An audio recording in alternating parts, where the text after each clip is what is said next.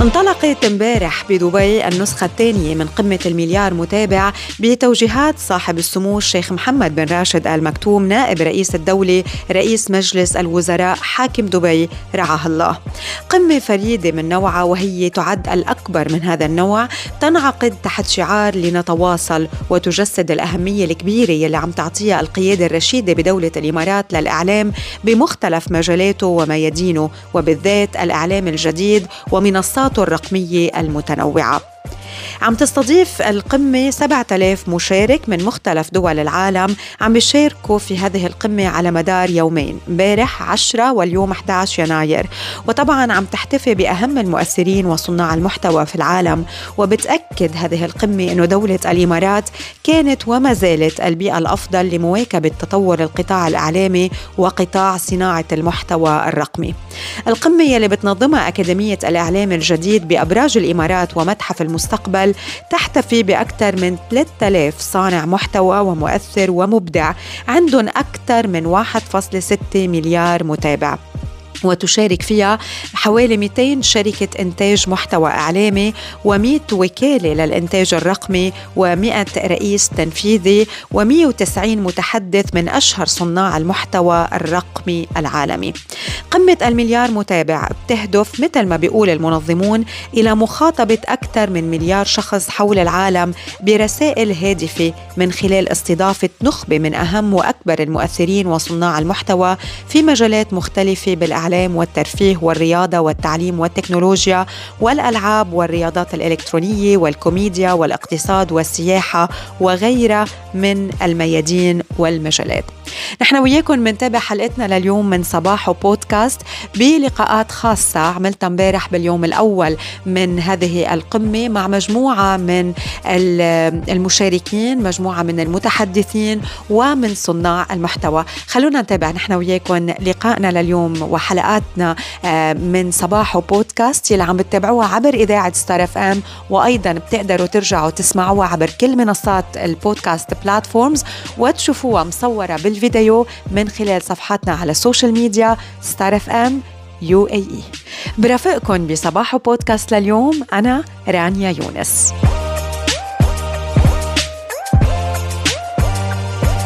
لقاءاتنا باليوم الأول من قمة المليار متابع رح بتكون مع الرئيس التنفيذي لأكاديمية الإعلام الجديد السيدة عالية الحمادي. أهلا وسهلا فيك عبر إذاعة Star FM. هلا حياك الله.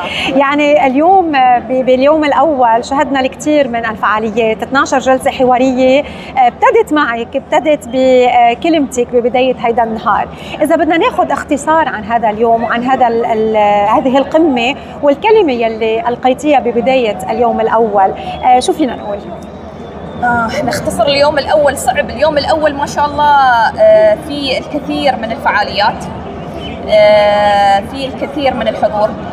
آه الحمد لله نحن ما توقعنا هذا الحضور الضخم جنسيات مختلفة. آه يمكن آه جزء مهم في, في الكلمة الرئيسية اللي قالت نحن نتكلم عن أكثر من 60% آه من الأشخاص الموجودين في العالم. موجودين على السوشيال ميديا. فأي شخص يبغى ينقل رسالته الإعلام الجديد هو خلينا نقول الوسيلة الجديدة لنقل الرسالة آه، لنقل أو خلينا نقول التأثير الإيجابي. آه، يمكن هدفنا بعد نحن من القمة أن ندعم مو بس صناع المحتوى أيضا صناعة المحتوى. آه، ندخل صناع محتوى جداد في في في الاقتصاد صناع أو سوق صناعة المحتوى. آه، يمكن نفس ما ذكرت في في الكلمة أن حجم سوق صناعة المحتوى نتكلم عنه 250 مليار دولار. آه، من المتوقع أنه يتضاعف لنص تريليون دولار في 2027 دائما دولة الإمارات هي سباقة لما تكون في مجال الإعلام خصوصا الإعلام الجديد باستضافتها واحتضانها لصناع المحتوى من جميع أنحاء العالم. ما شاء الله إحنا نتكلم عن أكثر عن 7500 منهم 3000 صانع محتوى إجمالي عدد المتابعين مليار و800 مليون متابع. هذا نحن إذا حسبنا وعدنا ما حسبنا عدد المتابعين للحضور. نعم. فالحمد لله قمه ناجحة.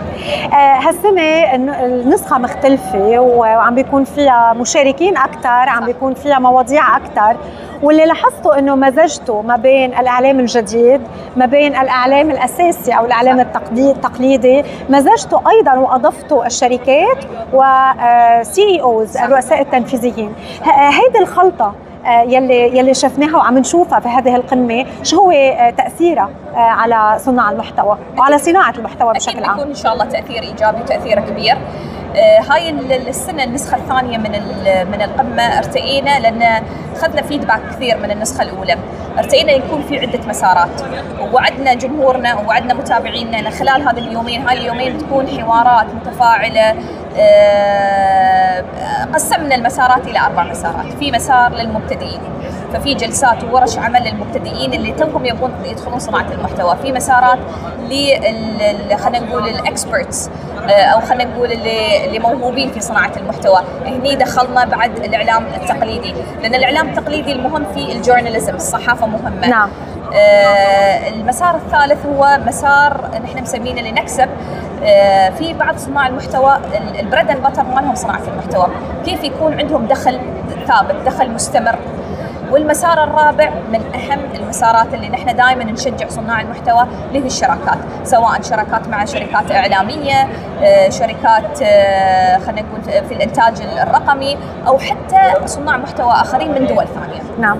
شكرا لك علي الحمادي ويعطيكم ألف عافية. ويعني فخورين نكون جزء من من هذا الحدث اليوم وكل التوفيق. أهلا وسهلا.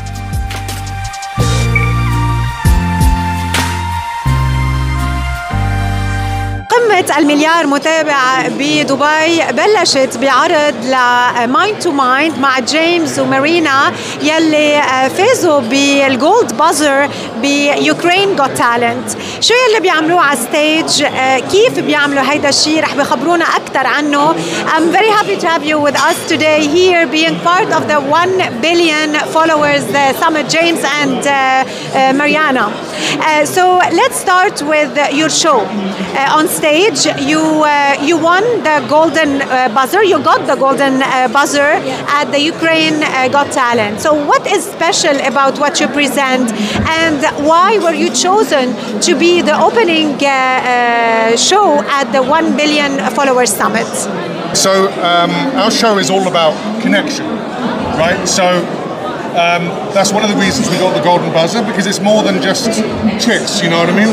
We don't make any claims about whether we have or do not have psychic abilities. Our show is about connection, love, and kindness. And in a way, that's what social media is all about. So I think that's why they wanted us to open um, this uh, wonderful summit. Okay. Uh, do you consider yourself as well as content creators, or you are the mind to mind uh, like show only? You know, I guess we could be. I could call us aspiring content creators because we're not very good at it, but we're trying. We're learning every day, and you know, again, I get so inspired when I see people like here. You know, they're so creative, so interesting. They have so many interesting ideas. I bet I'm gonna come home and think of something interesting to post. Yeah. Uh, your show is very interesting. Your show is like a, an eye catcher, and at the same time, uh, makes people. It makes people think. How did they do it? Uh, wh- what did they do exactly? So, if we want to describe your show to the listeners, to the people who never watched your show, uh, what would you tell them? So um, we specialise in something called second sight. In effect, Marina has the ability to see through my eyes. So that's what we demonstrate at the beginning of our show. So we have a 75 minute theatre show that's at the Jumeirah Beach Hotel every Saturday. And during that show, we go through a journey with the audience. We start showing what we can do, and then we make it about the audience, and we give those abilities to the people in the audience. And it's uh, essentially a show of inspiring human connection and, um, and a form of entertainment called mentalism. Marina, uh, when did you find out that you have this ability and how did you decide to go into this and uh, being part of uh, uh Ukraine Got Talent? Know, I don't have a background in performing or uh, show business. So when I met James, it's only then when I realized that I have these, you know, abilities to do something interesting with him. And yeah, before that, I had no idea. So it happened like seven years ago. What was the first uh, uh, idea or the first uh, event that happened and that made you say, oh, okay, let's do this? I think it was maybe two months after we met, and we were just sitting together and chatting, and we realized that we don't really have to say much to understand what we want to say. So, James, being a magician in his background, he decided to take this to a new level. So, this is what we did. Do you read his mind? Yes. like any woman, like any woman, I can read my husband's mind. Yes. Okay, now. Doesn't work the other way around. Okay, let's do something now for our listeners and for our social media followers. Let's do one trick for them, something that you do on stage uh, with anything now uh, Okay. spontaneous on the spot right now. Do you have a, a bank card or something like that? Yes, I do. Keep it in your pocket for now. Okay. Um, what we're going to do, we're going to face Marina this way. no, no, no. Keep that there. We'll, We're we'll gonna have to- repeat this on the. Okay. Okay, sure, sure. I'll be. Yeah. So we will use this one. Yes. Marina use this one. And Marina, please close your eyes. So take out something from your pocket. Okay. Take out something. Keep your eyes closed, Marina. Okay. Many things please. Very significant chapter. And some things I want to know what this is. I believe this could be a wallet. Go for the color. It's a nice and red color. Amazing. Now the brand. Is it um, Michael Kors? It's a Michael Kors. Um, can you take something? Take one of these out. Uh, try to tell me what this is too. This is, I believe, it could be an ID. Um, maybe an Emirates ID, actually. Great. Please tell me the date of birth on it. Oh, it's summer. Absolutely. It's in June. Um, could it be 15th or 16th of June? I think it's 15th of June. Nice. The date of birth on it.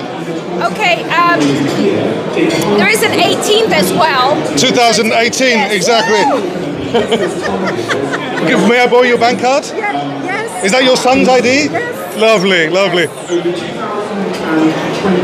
Uh, try to tell me the type of card this is. This one is a Visa type, Jane. That's correct.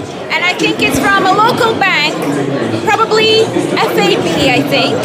Very good. Okay, yes. Anything else? Let's try something else. Hold your card like this in your hands and think about the last time you used it. And I will try to pick up on a three digit security code. There is a five, definitely. It is. Is that right? Yes, yes, and all the numbers. So, and this was spontaneous. I have to say this. This was spontaneous. We just did the interview right now. Um, it was amazing having you. Thank you so you so much, and uh, hope to see you soon again.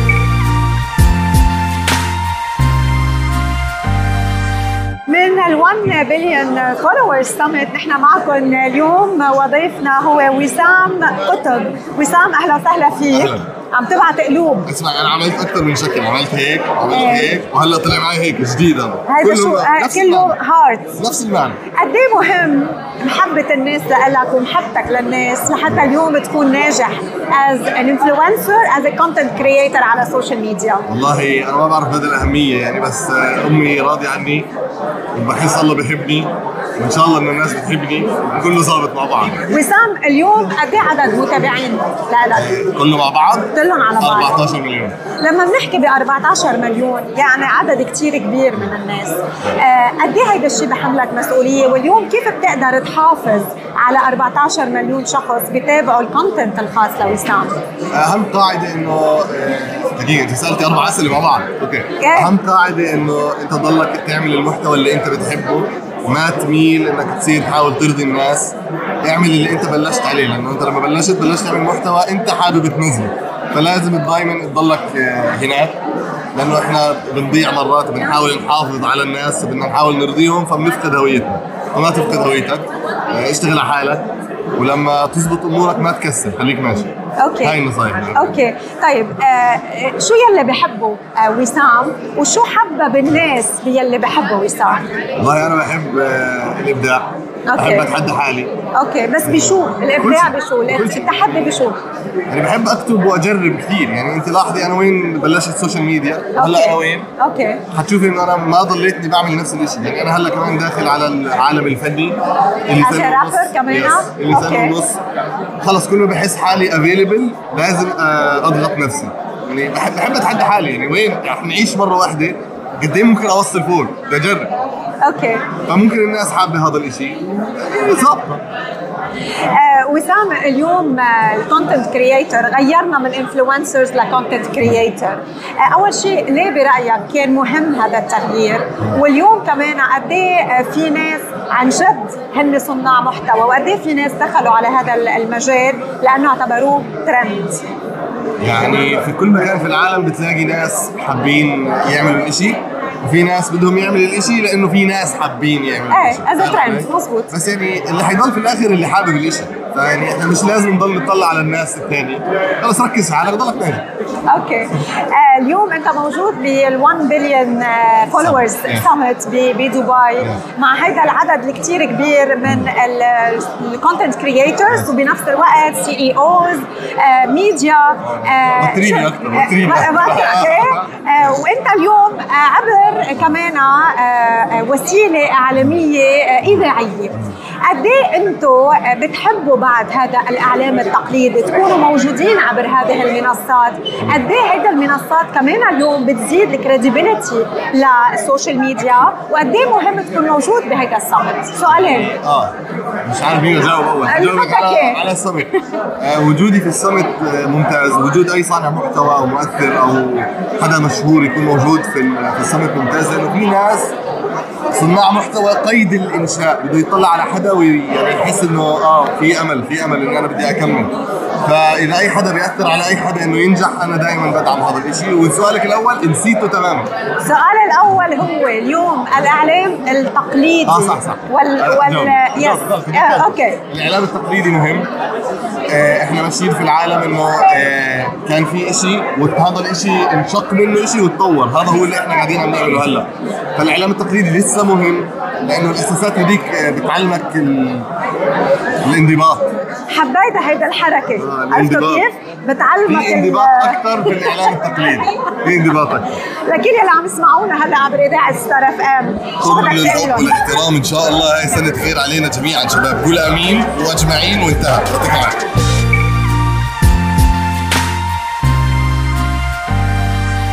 1 billion followers سمت بدبي وهالمرة ضيفنا هو حسن هاشم أهلا وسهلا فيك حسن.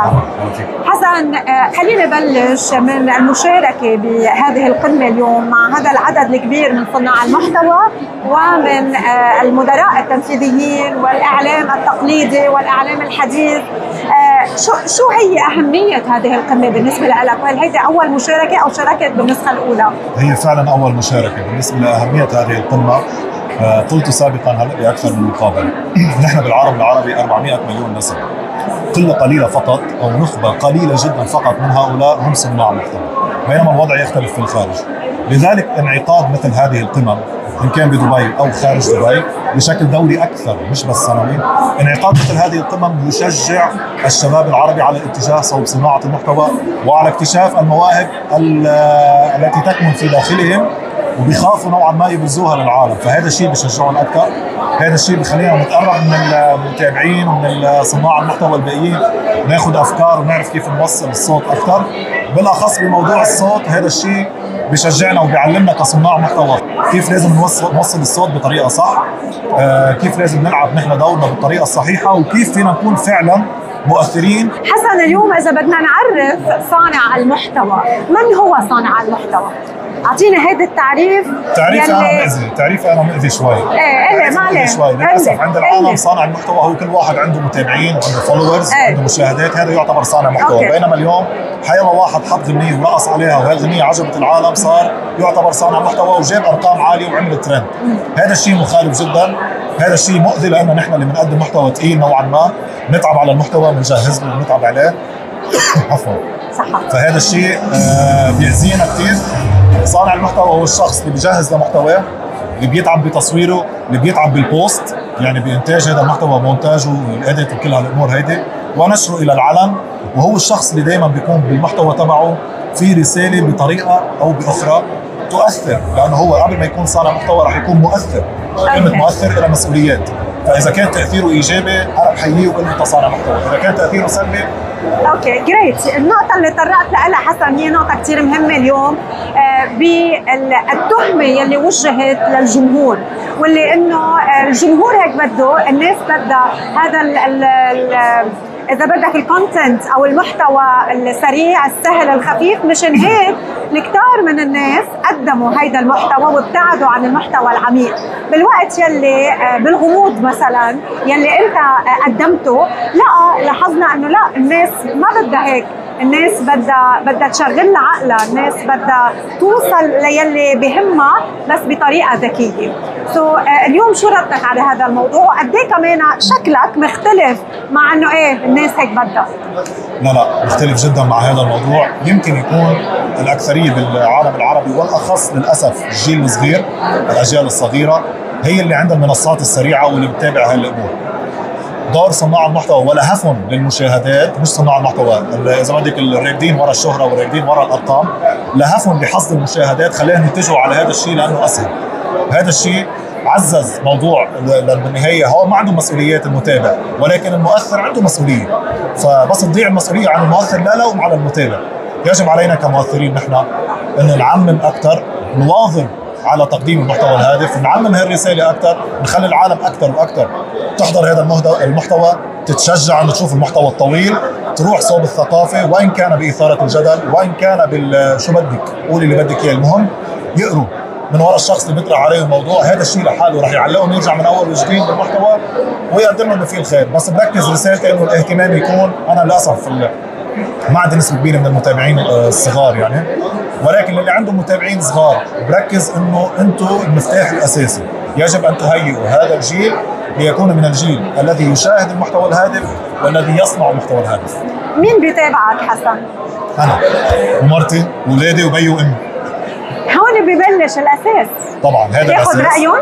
هذا الأساس باخذ رأيهم. آه يعني باشياء معينه بأخذ راي وباشياء ثانية لا. ولكن المتابعين اللي لي آه عادة هم متابعين من النخبه هن الأعمار بتتراوح بين ال 25 لل 35 مثلا. اللي هن بدوروا بفوتوا على يوتيوب على يوتيوب. أنا فوتي على يوتيوب. بفوتوا على يوتيوب عشان يفتشوا ويلاقوا المحتوى المناسب لهم واللي بيشبع رغبات الفضول لديهم. ورغبات الشغف بالتعرف على التاريخ والعلم لديهم ورغبات الاستماع إلى متحدثين باللغة العربية الفصحى. لما في ذلك من قيمة للأسف للهجتنا ولغتنا الأم التي فقدنا أثرها الجميل في عالمنا. حسن أنت اليوم عبر إذاعة ستار إف إم. شو آه، هي رسالتك للأشخاص يلي عم يسمعونا عبر الإذاعة؟ للأشخاص يلي بعدهم متعلقين بالإذاعة آه، ويلي بالنسبة لهم الإذاعة هي جزء من يومهم ومن حياتهم. قبل ما يكون الموسيقى قبل ما تكون الموسيقى بتطلع بالكاميرا شو رأيك؟ يلا أكيد. قبل ما تكون الموسيقى هي الجاذبة أكثر للأذن كان الصوت الصوت الإذاعي ولا ولا زال. لذلك اسمعوا الراديو جيدا. اسمعوا الإذاعات جيدا. تثقفوا من الأشياء اللي بتنطرح على الإذاعات عادة. كيف يتم تقديم المواضيع على الإذاعات؟ لأنه كانت مدرسة الإذاعة ولا زالت المدرسة الأولى في التقديم الإذاعي اسمه تقديم إذاعي. سو so, الاذاعات الراديو آه، بعد لحد هلأ هي المدرسة الأساس بالتقديم. واظبوا على هذا الشيء. وبترجيكم فتشوا على المحتوى الهادف. ما تخافوا كل واحد في جواته شيء معين هدف معين سر معين وموهبة معينة. بس ناطرة منك أنت تطلعها. ففتشوا على هذه الموهبة وطلعوها وأبهرونا. من قمة المليار متابع في دبي حسن هاشم. أهلا وسهلا. شكرا. حسن. شكرا.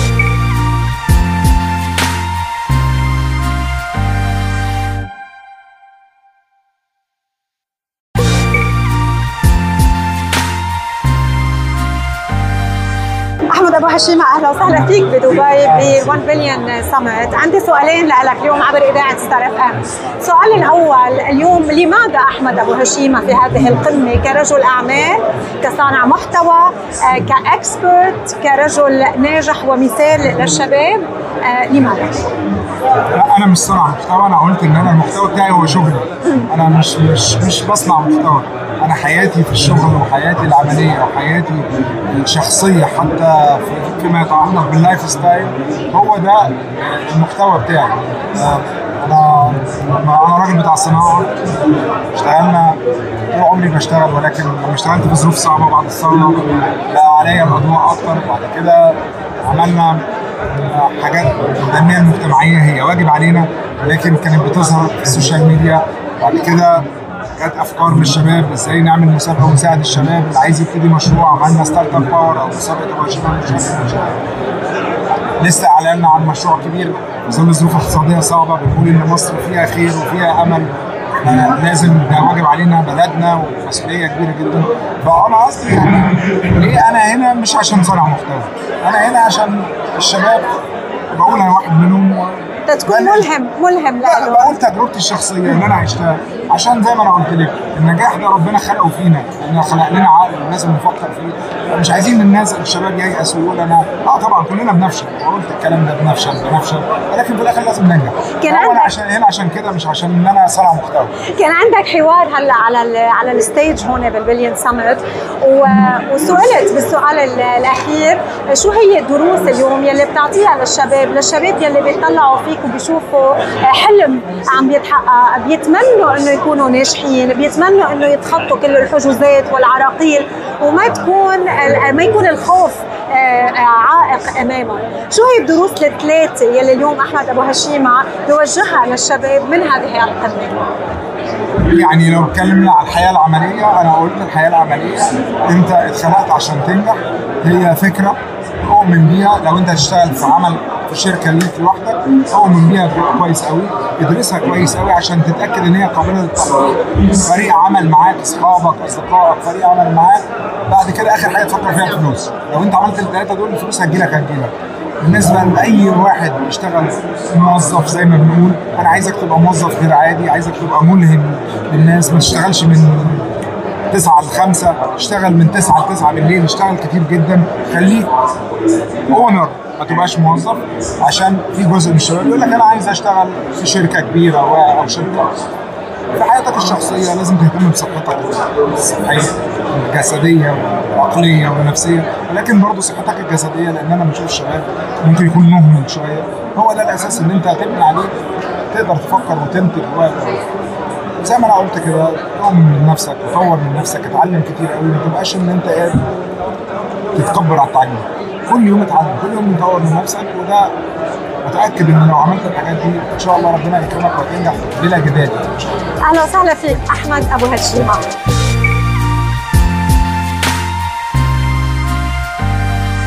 نورا زعابي مدير المواهب في أكاديمية الإعلام الجديد معنا في هذا الوقت من قمة المليار متابع في دبي بنسختها الثانية.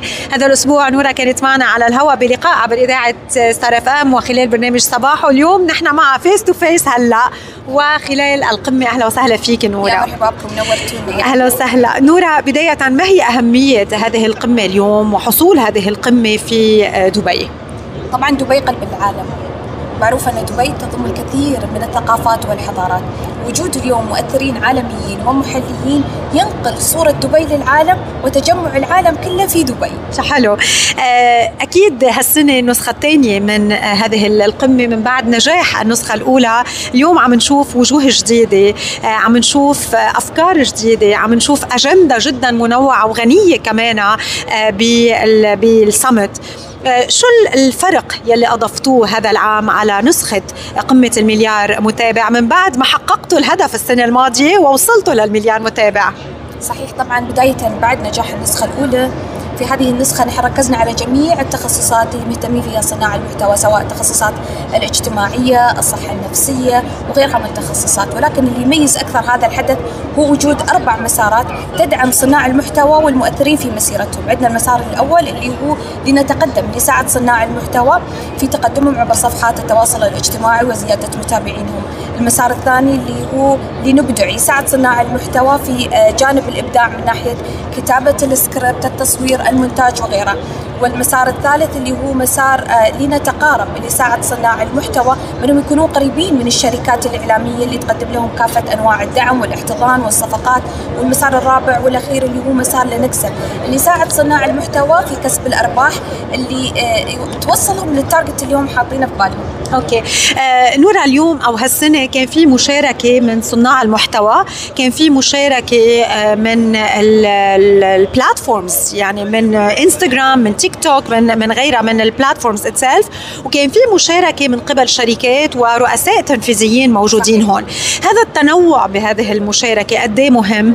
وليه كان في هذا التنوع ليه اليوم نحن بحاجة للشركات والرؤساء التنفيذيين بالشركات يكونوا موجودين مع صناع المحتوى؟ طبعا وجود هذه الشركات تفتح آفاق وفرص لجميع صناع المحتوى. مثل ما قلت لك اللي هو هذا يركز على المسار اللي هو مسار لنتقارب اللي يقرب صناع المحتوى من الشركات بحيث إن اليوم الرؤساء التنفيذيين والمدراء يشوفون كيف ممكن يستثمرون في صناع المحتوى والمؤثرين وأيضا تساعد المؤثرين بإيجاد الفرص المميزة اللي يبحثون عنها. نورة زعابي شكرا لك يعطيكم ألف عافية طبعا ومتابعين نحن وياكم 1 بليون فولورز سمت من دبي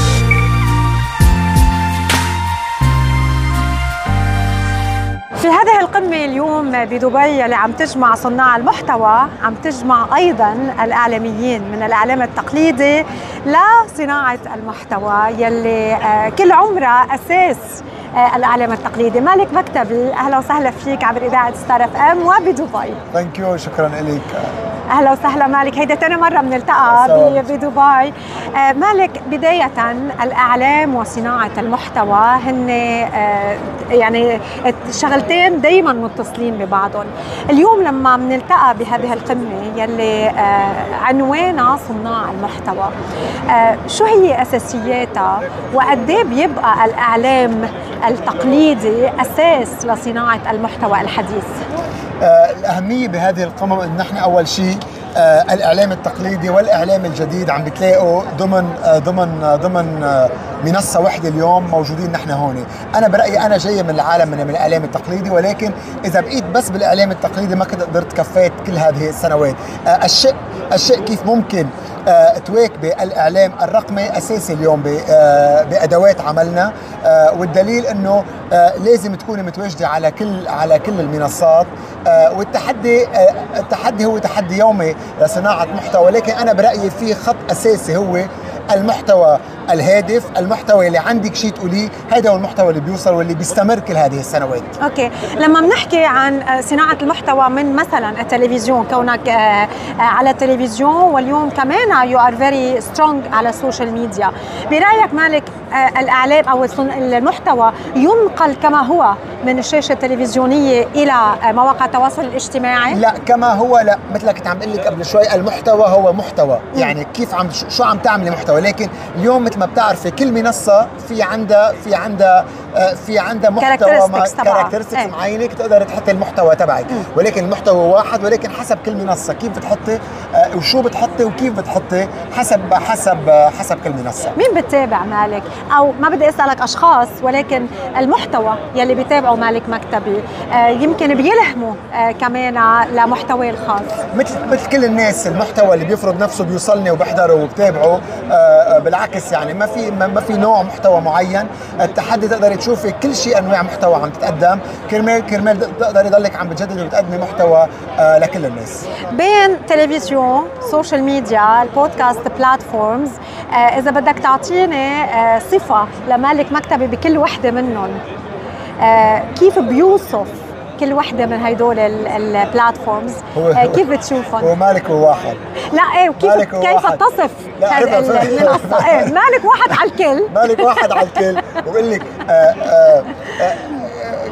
آه، بالاخر هو مالك واحد حسب ال content كيف عم بيتقدم وشو عم بيتقدم بس في شغلة هو الإصرار دائما إنه تقدمي محتوى جيد ومحتوى بليق بالمتلقي. هيدا هو الشيء الأساسي على كل إن كان على كل المنصات إن كان على كل ال آه، آه، كل ال mini sub branches okay أي وحدة بتحبها أكثر شيء كلهم.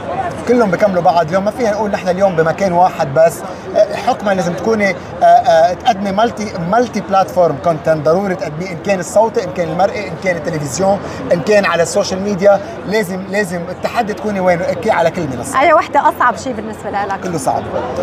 كله صعب. كله صعب. المحتوى أخي صناعة محتوى صعب. ما تستهوني بصناعة المحتوى. كثير صعب. الاستمرارية كمان صعبة. مش ممكن واحد يعمل محتوى وينجح. سنة سنتين آه، ولكن التحدي الأكثر إنك تعملي محتوى ويكون هالمحتوى فعلا عم تقدر عم تقدر تستمري سنوات وسنوات. اليوم صار لي 17 سنة على الهواء أنا 17 سنة اسبوعيا على الهواء فعلا تحدي كثير كبير. و- وجهد واصرار مالك بتعتبر التلفزيون كان أساس كتير كبير لإلك لنجاحك على آه، كل كل المواقع ال- الأخرى؟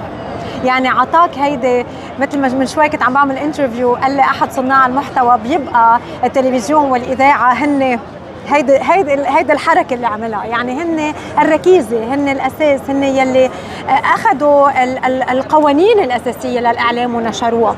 آه، فبتعتبر إنه وجودك كان على التلفزيون كان المدرسة آه، لوجودك بشكل أسهل على ال social media مش أسهل لا. ولكن مدرسة أكيد تلفزيون مدرسة الإعلام التقليدي مطرح ما أنا جيت مدرسة تعلمت مزبوط من خلال الخبرة وتراكم الخبرات آه لعبة الهوا ما فيها لا ما فيها مزح ابدا لعبة الهوا لعبة آه لعبة كثير صعبة إن كان لعبة الغلط ممنوع الدقة والمهنية جدا مطلوبة. آه، المحتوى الصح اللي عم بتقدميه ما في لعب منه آه، ما فيك تلعبي ابدا. بالعكس أنا أنا أنا أنا تأسست على هذه المبادئ. آه، ولأني تأسست على هذه المبادئ اليوم آه، المصداقية اللي عنده إياها مالك واسم مالك اليوم على مواقع التواصل بتجي من هذه الخلفية اللي أنا عندي إياها. اليوم بعصر ال social media الأخبار في كثير fake news في كثير ناس تحكي شو في في ناس تحكي شو ما كان. آه، مش كل حدا ممكن يكون مصدر موثوق للخبر آه، أو لاي لأي مادة بقدمها. بعتقد اليوم التلفزيون أعطاني نوع من مصداقية عند الناس. الناس صارت تعرف إنه مالك إذا بده يقول شيء أو إذا مالك بده يطرح شيء أو بده يعمل أي نوع من محتوى في في آه ما بدي. ما بدي لك الحد. الأدنى ولكن في معايير من المصداقية والمحتوى اللي أنا ما بقبل أتنازل عنه ابدا. 100% مالك دائما بتنورنا. بننبسط بالحديث معك. أهلا وسهلا فيك.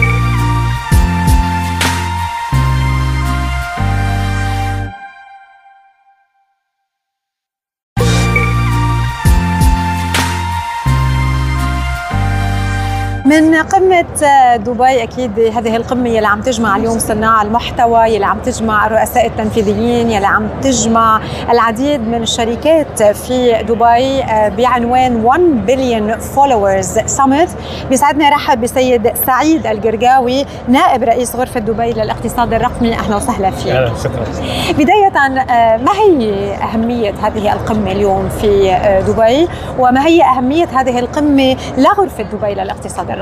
اليوم هذه القمه مهمة جدا لأنها تمثل آه، اقتصاد صناعة المحتوى ليس فقط في إمارة دبي ولكن أيضا في المنطقة اليوم هذه من القمم الوحيدة اللي آه، تجمع هذا الاقتصاد في مكان واحد والجمهور اللي فيه والشركات والمؤثرين اللي ينتمون لهذا الاقتصاد ويوفر لهم. نعم. اليوم بإمكانهم يوصلون لجماهير يوصل- يقدرون أيضا يمثلون أنفسهم والمنطقة بشكل يناسب المنطقة واحتياجات المنطقة. والفرص اللي متواجدة آه، خاصة لما نتكلم عن دولة الإمارات ودبي. وتواجدنا نحن كغرفة دبي للاقتصاد الرقمي الغرفة التي تمثل الاقتصاد الرقمي والقطاع الخاص بهذا الاقتصاد. من المهم أن نكون مت- متواجدين بحيث أن ندعم ونساعد آه، كل من ينتمي لهذا الاقتصاد بحيث أن يقدرون آه، ينضمون. ويساهمون في هذا الاقتصاد. وأيضا بامكانهم بإمكاننا نحن نعرف شو هي احتياجاتهم بحيث نواكب آه، متطلباتهم. ونسعى لخدمته. اليوم عم تدعموا العديد من الشركات وعم تدعموا العديد من صناع المحتوى على أو عبر المنصات الرقمية. إذا بدنا نحكي عن حاجة هذا القطاع ما هي حاجة هذا القطاع؟ وقد إيه مهم وجود غرفة دبي للاقتصاد الرقمي كهيك المنظم لهذا القطاع؟ وبنفس الوقت الداعم لهذا القطاع. نعم نحن اليوم نتكلم عن قطاع صناعة المحتوى اليوم. في ضمن إطار آه، الاقتصاد الرقمي جزء لا يتجزأ. فشئنا أم أبينا لابد أن نحن اليوم آه، آه، نساهم في اقتصاد صناعة المحتوى وأيضا بحيث أن اليوم نستفيد كفرصة من هذا الاقتصاد بحيث أن يزيد من الناتج المحلي لو نتكلم بشكل اقتصادي لإمارة دبي ودولة الإمارات. ولكن أيضا بحيث انه يوصل رسالة هذا الاقتصاد بشكل سلس وبشكل يواكب احتياجات الجمهور اليوم. فالكثير يستمع للاقتصاد آه، أو يستمع لصناع المحتوى سواء كانوا أفراد أو شركات آه، ولكن آه، اليوم لابد أن الاقتصاد الرقمي يواكب هذا الاقتصاد ويسعى في دعمه لأن اليوم يمثل الاقتصاد ككل. إذا بدنا نحكي عن قوانين تنظيم اليوم كل كل ما يتعلق بالمواضيع الرقمية وصناع المحتوى. كيف بيتم تنظيمها وشو هي القوانين الأساسية أو النقاط الأساسية يلي لازم اليوم صناع المحتوى يعرفوها خاصة لما بيكونوا موجودين بالإمارات؟ صحيح. فهناك الكثير من آه هذه إذا بقول يعني آه جهود في آه مش فقط تنظيم ولكن خلق بيئة مناسبة لصانع المحتوى. إن اليوم هدف آه لما نتكلم على مستوى إمارة دبي هدفنا إن خلق البيئة اللي تناسب وتواكب احتياجات صناع المحتوى واحتياجات الاقتصاد نفسه. خاصة لما نتكلم كغرفة دبي للاقتصاد الرقمي كثير من سواء كان قوانين شراكات دراسات يتم العمل معها أو يتم إنشائها بالعمل مع صناع المحتوى وأصحاب القطاع هذا. فلا بد إن نحن اليوم آه نقول لصانع المحتوى إن يجب إن عملية خلق هذه البيئة عملية تشاركية مع آه إذا نتكلم مع جهات حكوميه ولا أيضا مع آه شركات خاصة وأيضا مع صانع المحتوى. ونحن هدفنا كغرفة دبي للاقتصاد الرقمي إن نبني هذا الجسر ونساعد الجميع. شكرا لك. كمان بنتابع تغطيتنا اليوم لقمة المليار متابع في دبي وهالمرة من متحف المستقبل بدي رحب بهديل مرعي هديل إذا content creator كمان صانعة محتوى.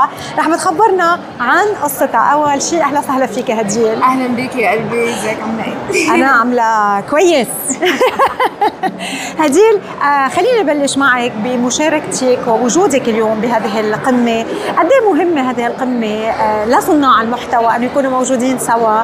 تسمعي لغير صناع محتوى تشاركي بورك شوبس تشوفي أفكار عالمية ومحلية. أوحش حاجة في صناعة المحتوى إن انت بتكوني حاسة إنك لوحدك. فقمه المليار النهارده بتحسسك بقربك للناس و you get to connect وتتواصلي معاهم تتبادلوا أفكار تعرفي خبراتهم كمان كده على أرض الواقع قدامك غير شكل. عشان كده دايما بتحمس للتجمعات دي خصوصا قمة المليار فيها. نخبه من صناع المحتوى نتبادل أفكارنا نشارك نسمع لغيرنا نتواصل. okay. هديل قبل ما صرت صانعة محتوى مين كانت هديل مرعي؟ آه كانت طبيبة أسنان. wow! Okay. خلاص؟ خلص هيداك الحلم. شوفي آه طب الأسنان بالنسبة لي ما كانش حلم أكتر مما اخذته بالعقل ما اخذتوش عن حب اخذته عن عقل اللي هو okay. اخذت كده الأمور بعقلانيه زيادة عن اللزوم. اصبح دكتورة. أيوه. واشتغلت فيها كسنتين الحمد لله ولكن يعني ما حسيت بشغفي أكثر في صناعة المحتوى أو لقيت حبي أكثر ليها والحمد لله ربنا وفقني فيها. Okay. آه كيف بلشتي آه كصانعه محتوى؟ اليوم. هذا ال هذا ال اللقب آه والتايتل يلي تغير من مؤثر لصانع محتوى.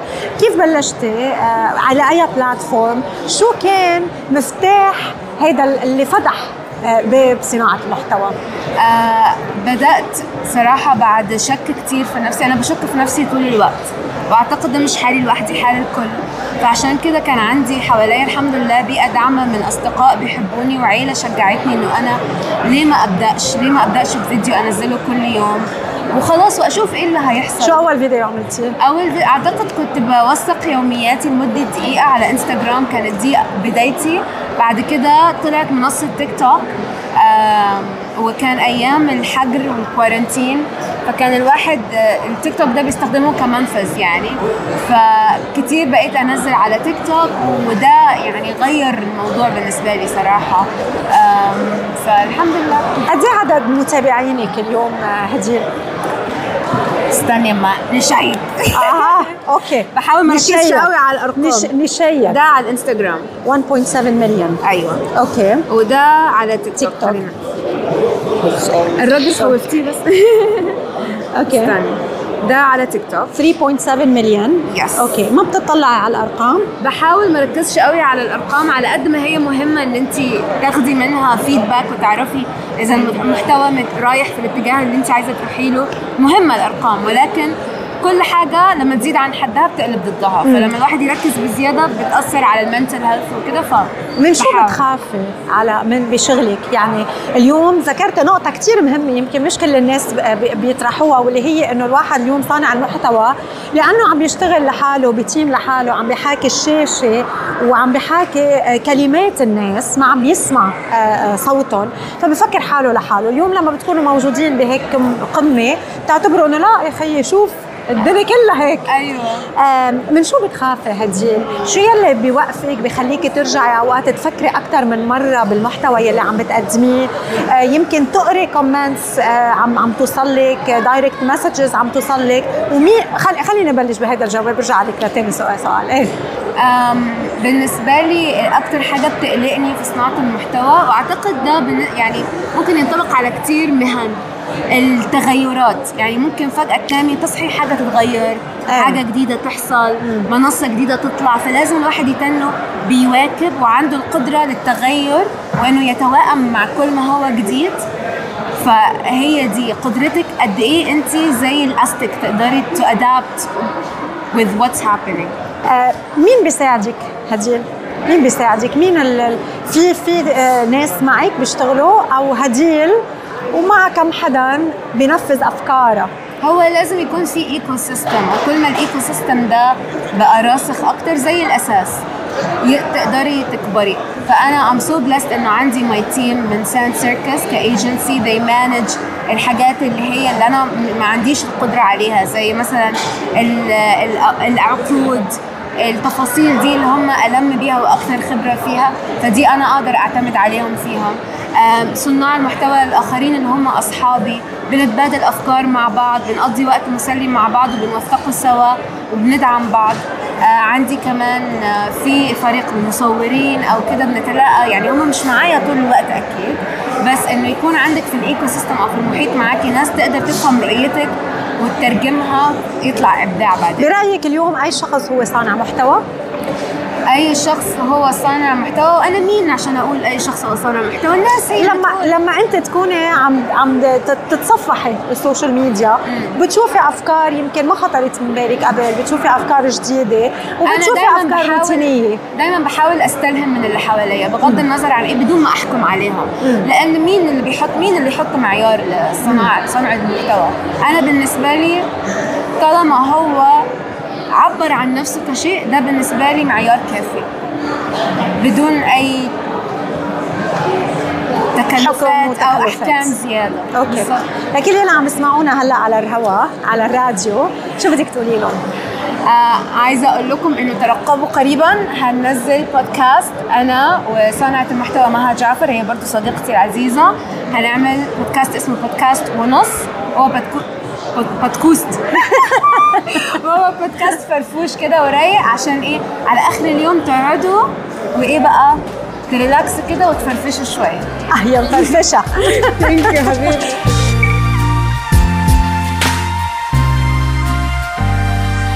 أحمد أبو الصادق. معروف عبر مواقع التواصل الاجتماعي صانع محتوى باسم أبو الصادق. أهلا وسهلا فيك. أهلا وسهلا فيك. آه خب بدي بدي أعيط لك أبو الصادق أو أحمد؟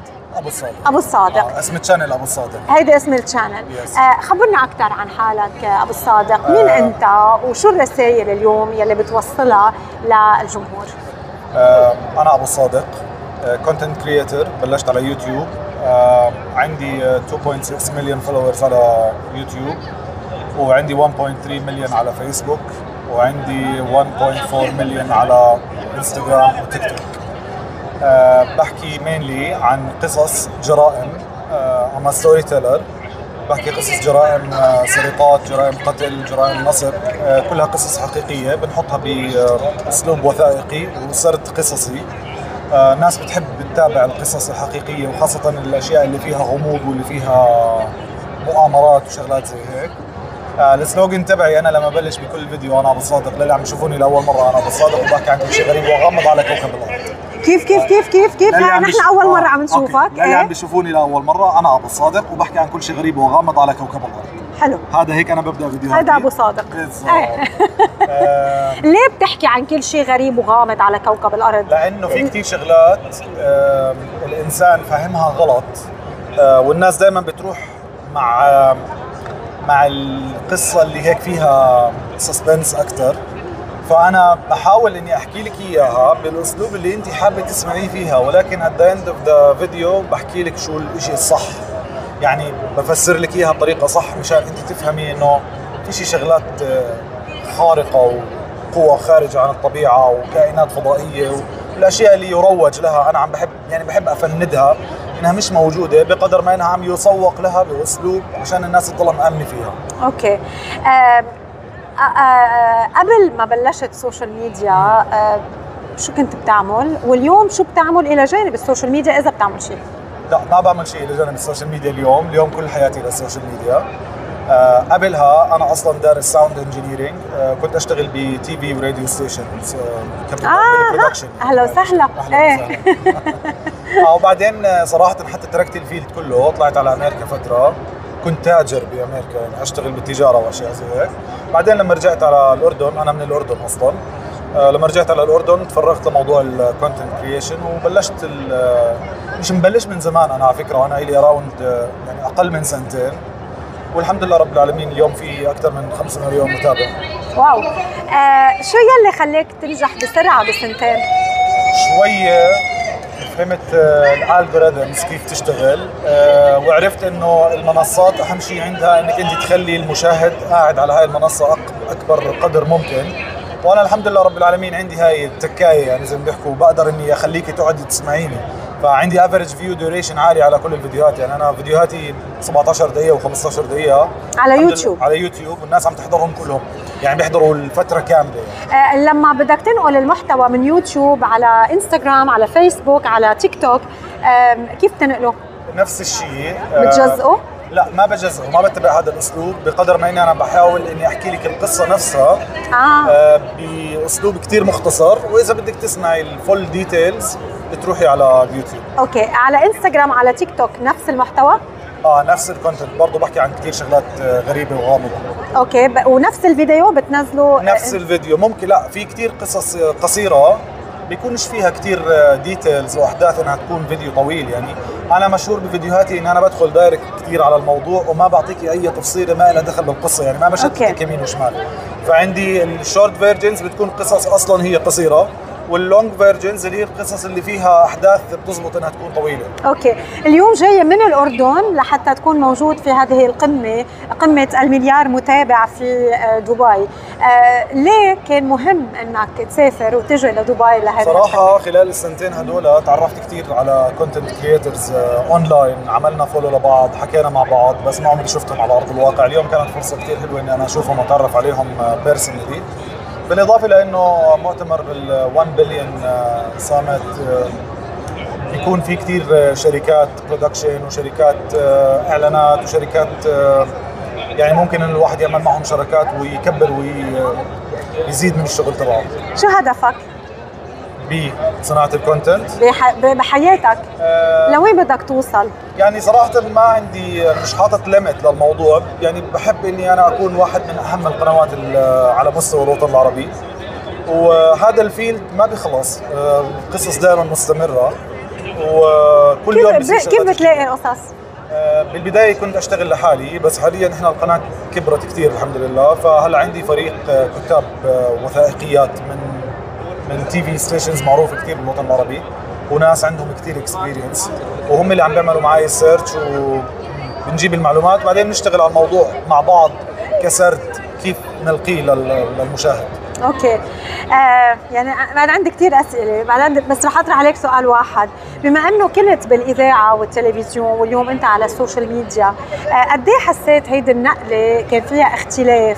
وقد إيه الراديو والتلفزيون عطوك ال base already وأخذتها معك على ال social media هلأ آه موضوع إنه الواحد يكون يشتغل بمحطة فضائية كونك تتفرجي على ناس من يعني من وراء الكاميرا بيعطيك شوية هيك دافع إنك أنت تكسري هاي الرهبة بداية. آه موضوع ال radio stations كمان دربني على موضوع الصوت وطريقة الإلقاء وهاي الأشياء.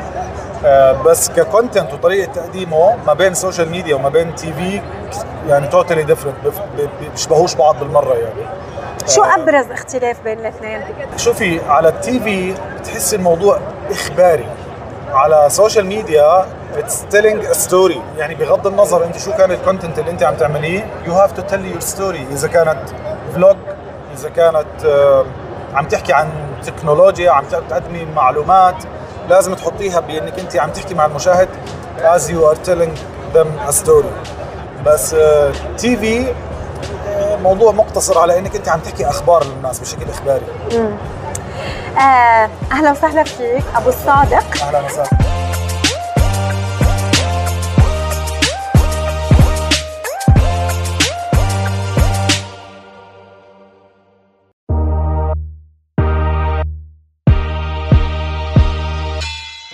قمة المليار متابع نتابع بتغطيتنا لليوم وضيفتنا بهذا الوقت خديجة حسين المدير التنفيذي لقطاع الاتصال الحكومي المكتب الإعلامي لدولة الإمارات. أستاذة خديجة أهلا وسهلا فيك عبر إذاعة ستار أف إم. يا هلا. آه اليوم أكيد باليوم الثاني من هذه القمة آه كان عندك discussion على ال stage وحكيتي كيف مواقع التواصل الاجتماعي اليوم قربت الحكومات أكثر من من الناس. سهلت الرسائل صرتوا توصلوا للناس بطريقتهم بلغتهم وأكيد بأي وقت اللي كان. خبرينا عن هذه الجلسة وأبرز النقاط يلي حابة إنه الناس يلي ما كانوا موجودين يعرفوا عنها. اليوم تكلمنا عن كيف الاتصال الحكومي في حكومة دولة الإمارات تغير مع التواصل الاجتماعي. نحن كحكومة الحمد لله حكومة الإمارات قيادتنا وجهتنا أن ندخل في السوشيال ميديا ونتاكد أن فرق الاتصال الحكومي في الجهات الاتحادية متمكنة وعندها كل المهارات وخلينا نقول المهارات لازم أن يقدرون يكونوا متواجدين وجهاتهم تكون متواجده على السوشيال ميديا. آه اليوم أعطينا الجمهور المتواجد بعض الأمثلة قصص النجاح لأهم مبادرات حكومة الإمارات على المنصات وكيف قدرنا نحن في حكومة الإمارات نوظف السوشيال ميديا للوصول للجمهور.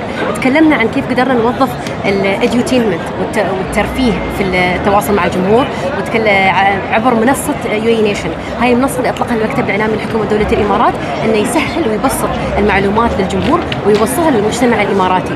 يشتغل في هاي المنصة تقريبا فريق عمل إماراتي من كتاب محتوى وصانعين محتوى أيضا يبحثون دائما عن القصص الملهمة في دولة الإمارات وأيضا يبسطون القوانين والمواضيع والقرارات اللي تطلع من حكومة الإمارات في شكل برامج متنوعه يقدمونها للجمهور.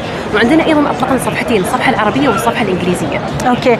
قد إيه قدرتوا مزجتوا بين الإعلام التقليدي والإعلام الحديث؟ وشو الفرق بيناتهم بطريقة تقديم الرسائل؟ دائما يكون في في هذا السؤال وايد صعب على فكرة اياه يمكن يسالون علينا بعض الإعلاميين. بس يمكن قوه الإعلام الحديث في هذه في هذا الزمن يطغى على قوه الإعلام التقليدي، نحن لازم نكون متواجدين بشكل مناسب مع كاف مع كافة الجمهور ونتعاطى معاهم في كافة المنصات. فنقوم بتطوير محتوى مختلف حاليا للمنصات الرقمية والتواصل الاجتماعي عن المحتوى اللي نحن نطوره للإعلام التقليدي. أوكي يمكن واحد يكون أكثر قصصي آه، واحد نعم. يكون أكثر إخباري نعم دائما نركز نحن في دوله الإمارات أيضا إن نبحث عن قصص ملهمة. الناس تتأثر بالقصص قصص ناس تعرفهم قصص ناس تشوفهم قصص ناس استفادت أيضا من خدمات مميزة آه، تقدمها الحكومة فنحاول مع السوشيال ميديا وال content اللي يطور في السوشيال ميديا إن نبرز قصص من المجتمع الإماراتي. شكرا لك خديجة حسين وعبر إذاعة ستار إف إم. أهلا وسهلا. أهلا وسهلا. يا هلا.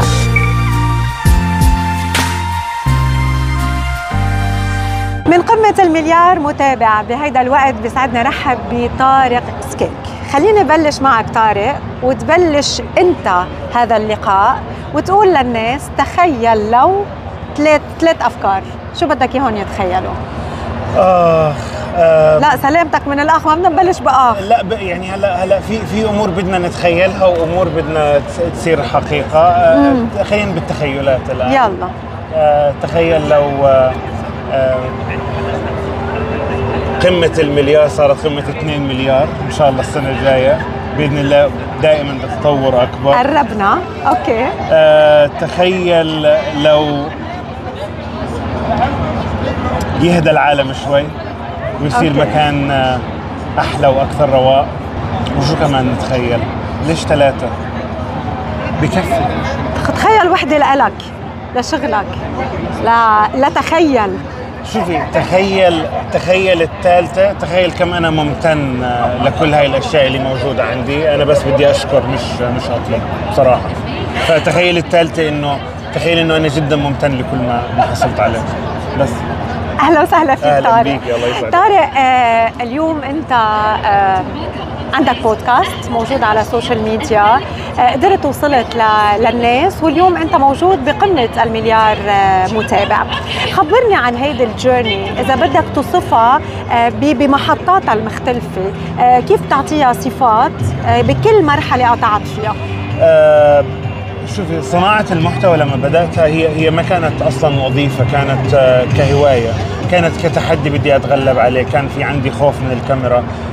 ما كنت هاي الشخصية اللي اللي عندها سوشيال ميديا وعندها آه، يعني يعني ما كنت آمن بموضوع السوشيال ميديا إلى أن وجدت أهميته عند الجيل القادم. فكنت عم بشوف إنه كيف الأولاد أو ال generation القادم ما بيحضر تلفزيون هو فقط على آه، هاتفه أو على التابلت اللي موجود معه. الأمر اللي حفزني إني آه، أشوف أكثر شو عم يحضروا. فلما رحت شفت شو عم يحضروا وجدت إنه الغالبية الساحقة منه مستورد هو مش تبعنا.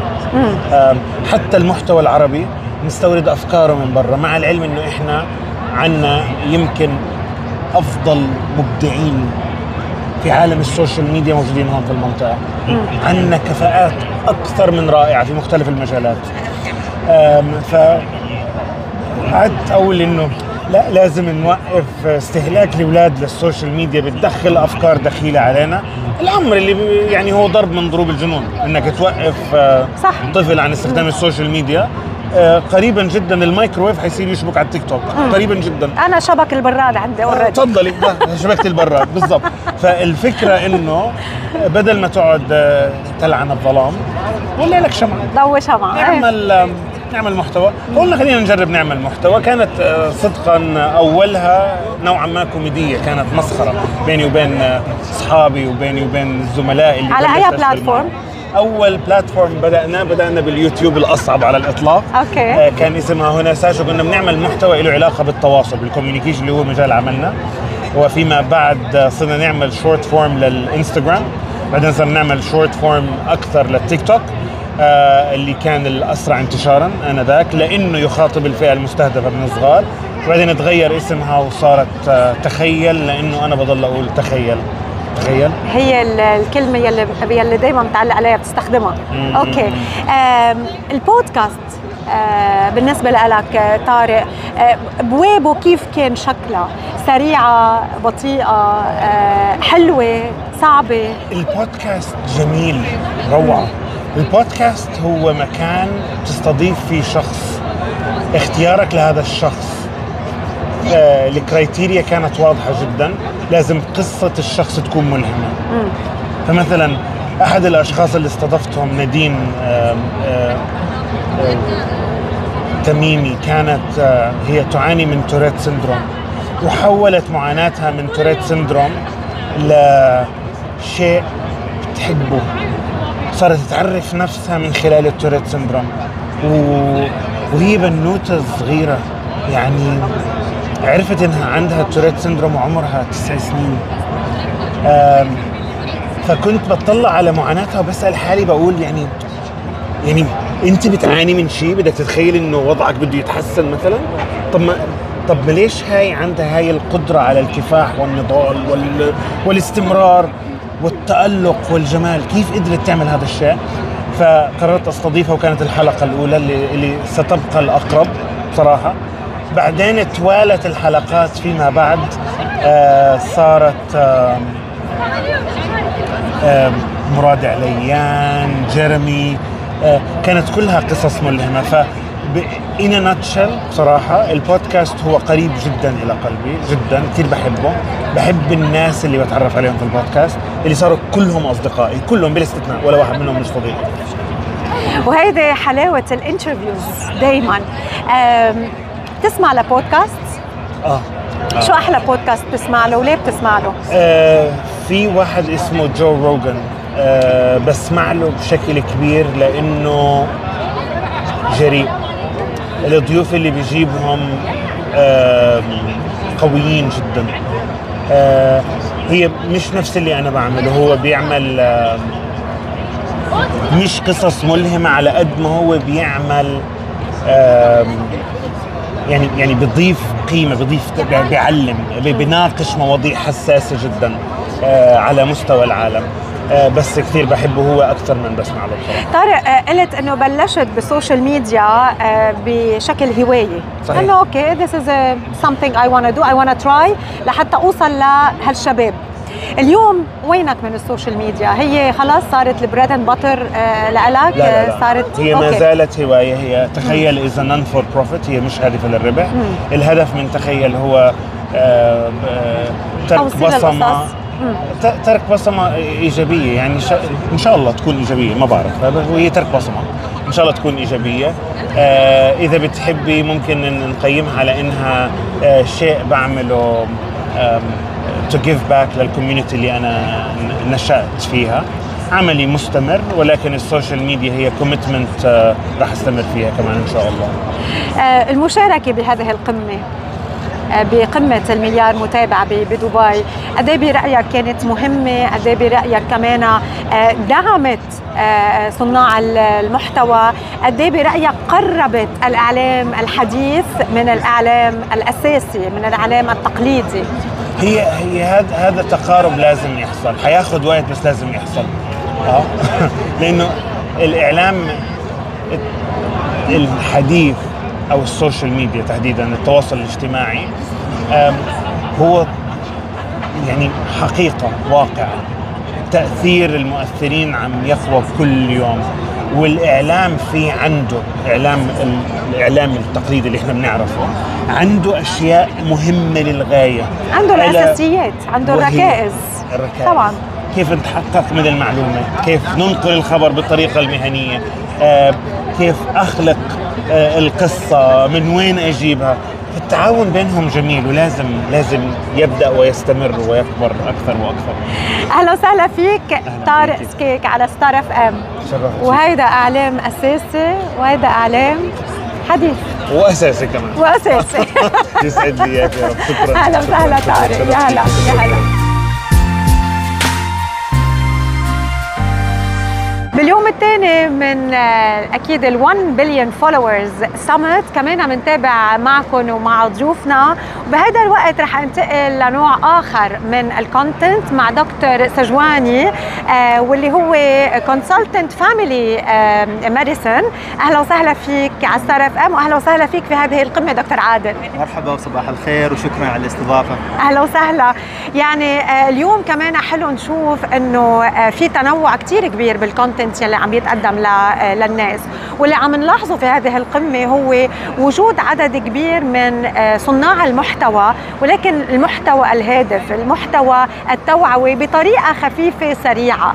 خبرني دكتور سجواني عن وجودك على مواقع التواصل الاجتماعي. كيف أثرت مهنتك على هذا الحضور؟ وكيف أثر هيدا التواجد على ال social media على مهنتك؟ طبعا أول شيء نحن نفخر إن إحنا في قمة المليار متابع في دبي اللي هي أكبر قمة لصناع المحتوى في العالم. ووجودي أنا أنا عندي جلسة حول عندي جلسة حول منصة إكس يعني آه، أو ما كانت تسمى سابقا تويتر.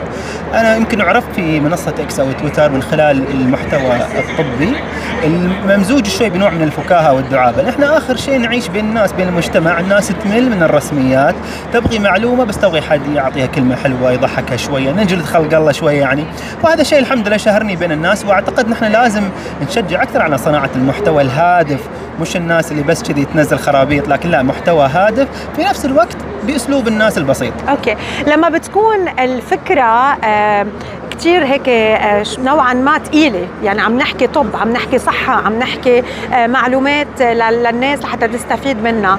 وعم ندخل عليها روح الفكاهة الفكاهة. قديش بتوصل بطريقة أسرع للجمهور؟ طبعا يعني توصل بطريقه أسرع بكثير لأن النفس تميل إلى الشخص الذي يفرحها فأنت لما تجي تقول معلومة طبية بكلمات صعبة أنا كطبيب أول واحد راح أسرح يعني ما راح أركز. لكن لما أنت تبسطها وتوصلها بلغة الناس بأسلوب حلو بنكتة بكلمة حلوة دائما الأسلوب ال sarcasm هذا الأسلوب ال sarcastic يوصل المعلومة بطريقة جيدة وهادفة وبعد تحبب الناس فيك؟ آه وجودك على ال social media بهذه القوة يعني اليوم تعتبر صانع محتوى. آه كيف أثر كمان على مهنتك على ال clinic على المستشفى اللي أنت موجود فيها؟ والله كثير من الناس تقول نحن دكتور عادل لما نجي لك للعيادة أسلوبك أكثر ما يكون يعني funny يكون أكثر شيء أسلوب جاد بينما ال social media تضحك وتسولف. أقول لازم يكون عندك قدرة إلى التفرقة بين الحياة الشخصية والحياة ال professional ال social media حياة شخصية بينما عملي كطبيب هو professional طبعا. اللي أثر إن عدد المرضى زادوا لأن الناس تشوف دكتور عادل عنده معلومة جيدة تقول هذا فاهم في السالفة يجوني طبعا. فهذا الحمد لله ساعد في ثقة المرضى الناس تثق فيك لأنك توصل لهم كلمة غير تجارية كلمة صحيحة طبيه علمية. لكن طبعا لازم الواحد ما يمسخها في الحياة المهنية بين لازم يفرق بين الحياة المهنية والحياة الشخصية. اليوم نحن موجودين في هذه القمة يلي عم تستضيفها دبي عم تستضيفها دولة الإمارات وفي دعم كثير كبير من القيادة الرشيدة وتركيز على أهمية صناعة المحتوى. سو uh, شو شو هي uh, uh, أهمية هذا هذه القمة بالنسبة لكم كصناع محتوى؟ وطبعا دعم القيادة لهذا الموضوع قد إيه بحملكم مسؤولية كمان. uh, طبعا هذا مهم. إحنا قبل كنا ناخذ المعلومات من التلفزيون. أعتقد الحين الناس ما تتابع التلفزيونات بالكمية اللي الناس تتابع فيها السوشيال ميديا. وبالتالي هناك مسؤولية إن أنت تهيئ صناع محتوى عندهم معلومات صحيحة. لأن كذا أنت ما هيئت ناس بمعلومات صحيحة راح يطلعون صناع محتوى بمعلومات غلط. ودائما المعلومه الغلط تنتشر أسرع من الصح. فهذه القمم وهذا الدعم اللي شهدناه حتى من الشيخ محمد بن راشد الله يحفظه أمس بدعم صناع المحتوى بمبالغ معينة. بكذا. هاي الأمور تشجع على إنشاء جيل من صناع المحتوى الهادف وهذه القمة مهمة لهذا السبب. إذا أنت ما ركزت على صناع محتوى هادف أنت راح شئت أم أبيت تحصل صناع محتوى كلامهم غير صحيح. دكتور عادل سجواني شكرا لك ولوجودك معنا. كمان شاركت ب panel أو workshop هون بهذه القمة. يعطيك ألف عافية. ونورتنا. نور نور أهلا وسهلا. أهلا وسهلا. أهلا وسهلا.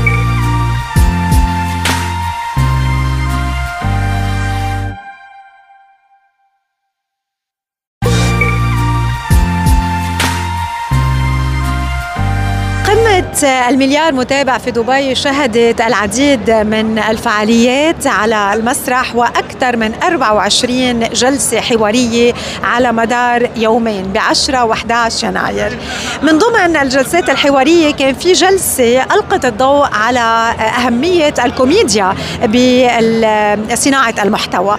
ومن المشاركين في هذه الجلسة ميتو الشامسي. أهلا وسهلا فيك. آه عبر إذاعة Star FM. ميتو طبعا اليوم ركزتوا على أهمية الكوميديا بصناعة المحتوى ولكن بنفس الوقت تكون كوميديا آه، إذا بدك قريبة من القلب ويكون وتكون بعيدة عن التصنع صحيح. فخبرني شوي عن آه، كيف كيف بلشت وكيف قررت تدخل في هذا المجال اليوم وقد إيه عدد المتابعين ال- لك؟ آه، طيب أنا أنا ما قررت إني أدخل صراحة الحظ هو اللي دخلني. هي كانت بداية وتقدرين تقولين إنه ساعدني الحظ. أم، تتكلمين من أكثر من 12 سنة 13 سنة.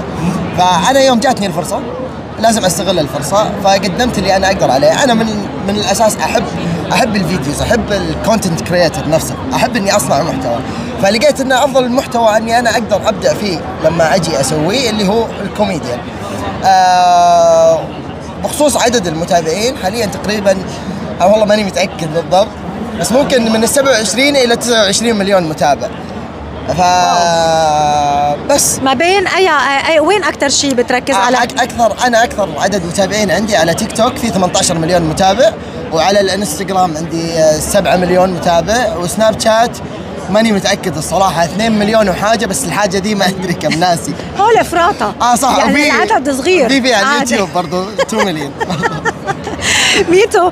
آه قلت لي إنه كان من السهل تدخل بعالم الكوميديا ولكن كان من ال- السهل لأنه إيه. كانت آه، وقتها السنة أنا كنت صغير أساسا وما كان في content creator من الأساس. ما كان في اللي اللي هي فكرة إنه المشهور راح يسوي إعلانات وراح يدخل فلوس. ما كانت هذه الأشياء متعارف عليها فما كان في أحد يصنع محتوى. أوكي. كان الغرض من اللي أنا قدمته إنه أبى أجرب أنا البرنامج. كان برنامج جديد نازل اسمه كيك فكنت أنا أبغى أجرب البرنامج بشوف إيش فيه. ومن هذا ال- من هذا الفيديو هو فيديو واحد صارت الانطلاقة. آه قبل ما تنزل الفيديو تحضره وبتضحك انت على الفيديو يلي عم الحين بتنزله. إيه الحين أنا لازم أضحك وبعد ما أضحك أنا لازم أمي تضحك. ها. أعطي اقري على الفيديو انزله عشان ما يكتبون لي سخيف ما يضحك. إيه. سو أنت أول واحد وبعدين أمك. أي. إيه، لازم تضحك. لازم أنا أضحك وامي تضحك بعدين وبعدين بينزل الفيديو. so شباب وصبايا تأكدوا كل فيديو عم تضحكوا معه مع ميتو بيكون هو ضحك وأمه. ضحكت على الفيديو. أوكي. آه لما ما بتضحك أمك ما بتنزل الفيديو؟ آه لا آه في فيديوهات توصل توصل مرحله إني أنا ما أستشير أمي فيها. ليش؟ لأنه أنا جالس أسوي مونتاج للفيديو قاعد أضحك. أوكي. فخلاص أنا من أدخل في هذه المرحلة اللي أنا توني باقي ما شفت الفيديو جاهز قاعد أضحك بالفيديو يضحك يعني كمان أوكي. فخلاص كذا ما أستشير أحد أنزل هيدا باس قاطع أوكي. ميتو بتحضر لحتى آه، تقدم محتوى كوميدي؟ أو بأوقات كثير بتطلع الأشياء بطريقة عفوية بطريقة آه، الفكرة الأساسية فكرة ال- الفيديو لازم تكون محضر لها من قبل يعني لازم أنا أجيب الفكرة ولكن السيناريو والإخراج اللي يصير طبعا أنا المخرج أنا المصور أنا الكاتب أنا كل شيء. آه أنت كل شيء. أي، أنا الممثل أنا امثل كل الشخصيات. فأنا أجيب الفكرة لكن كسيناريو لا يطلع وقت التصوير صراحة. لأن هذه هي هذا هو طعم ال comedian ال content. creator. كوميدي لازم إنه يطلع ما تكون محضر له لأن. لما تحضره بيكون واضح إنه أوكي. مو مضحك. أوكي. على مدار هاليومين في هذه القمة التقينا بالكثير من ال content creators وخليني أقول لك هيك نوعيات مختلفة. التقينا بناس هن كل شيء.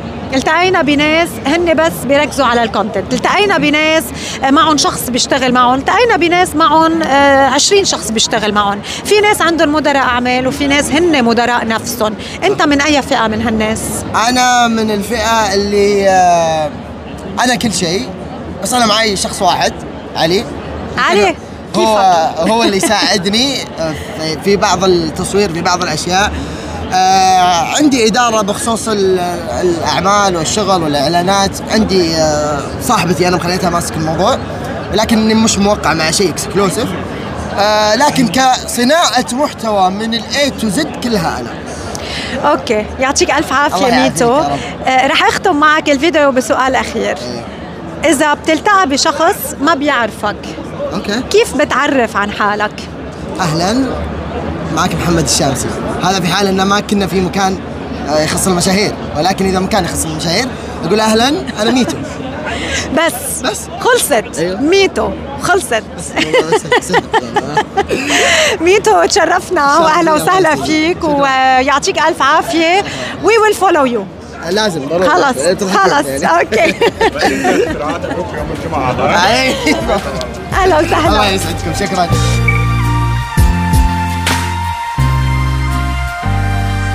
لما بنحكي صناعة محتوى يعني عم نحكي عن مواضيع مختلفة عن آه، محاور مختلفة. يمكن لحد اليوم حكينا عن lifestyle حكينا عن قصص ملهمة حكينا عن fashion حكينا عن آه، الكتب حكينا عن الرياضة حكينا عن قصص حقيقية. بعد ما حكينا عن العقارات يلي كمان لها مساحتها الخاصة بعالم صناعة المحتوى. بيسعدني رحب بمهند وادية صحيح. الوادية أهلا وسهلا فيك مهند الله يسعدك. مهند هو مش بس social media content creator هو كاتب هو آه، مقدم برامج صحيح. وأيضا عنده تواجد عقاري على مواقع التواصل الاجتماعي خليني أحكي عن هذا المحور بالتحديد نعم. العقارات والتواصل الاجتماعي ومواقع التواصل الاجتماعي وصناعة المحتوى الخاص بالعقارات نعم. من زمان كان الشخص لما بده يشتري بيت كان يروح لعند ناس متخصصين صح. يقعد معهم يروح معهم يشوف البيت آه، يفكر يقنعوا ما يقنعوا بس لازم يكون عنده مصداقية، المشهور يمكن شخص بضحكك، ممكن شخص عنده كاريزما حلوة، فيديوهاته حلوة، فصار مشهور بين الناس، بس مش معناها أشتري لأنه هو مشهور. فأنا بدي اعرفك المؤثر، المؤثر لازم يكون عنده في الاختصاص تبعه. مثلا بالعقارات لازم يكون عنده مؤهلات أكاديمية ذات صلة، أنا عندي ماجستيرين في العقار، دكتوراه في العقار، 25 سنة خبرة آه، من عائلة عقارية يعني والدي وجدي كلهم عقاريين، فهي تراكمات الخبرة. والمؤهلات الأكاديمية وصلتني لمرحلة إني أنا أكون فع- فعلا إني أكون خبير. فلما بطلع بتكلم عن جد بتكلم من صفة شخص مختص وخبير وبالتالي بيكون مؤثر. آه، الفرق من مرات بيطلعوا ناس شباب الله يوفق الجميع بس ما بيكون عنده أي مؤهلات. بيكون صار له مثلا في في صناعة العقار صار له يمكن ست أشهر بس عنده كاريزما حلوة. بيطلع بيتكلم بقول أنا خبير واشتروا مني. وهون بصير كثير أخطاء يمكن مش بقصده بس لأنه ما عنده لا خبرة ولا عنده مؤهلات أكاديمية. مظبوط هذا الفرق. 100% وهون آه، ضرورة آه، هيدا إذا بدك ال- المراحل يلي لازم نقطع فيها صح. لحتى نعطي لحالنا التايتل لأنه الإنسان أو ال- أو المشاهد بيقدر دغري يعرف إذا عن جد هيدا الشخص وعم بحكي بكل المجالات نعم، صحيح. إذا عن جد هيدا الشخص هو خبير أو استعار الخبرة من النص يلي عم يقرأ قدامه صحيح الله يسعدك شكرا أهلا لك وسهلا فيك استمتعت كثير باللقاء أهلا وسهلا مهند. شكرا. لك أهلا. وسهلا. من قمة المليار متابع في دبي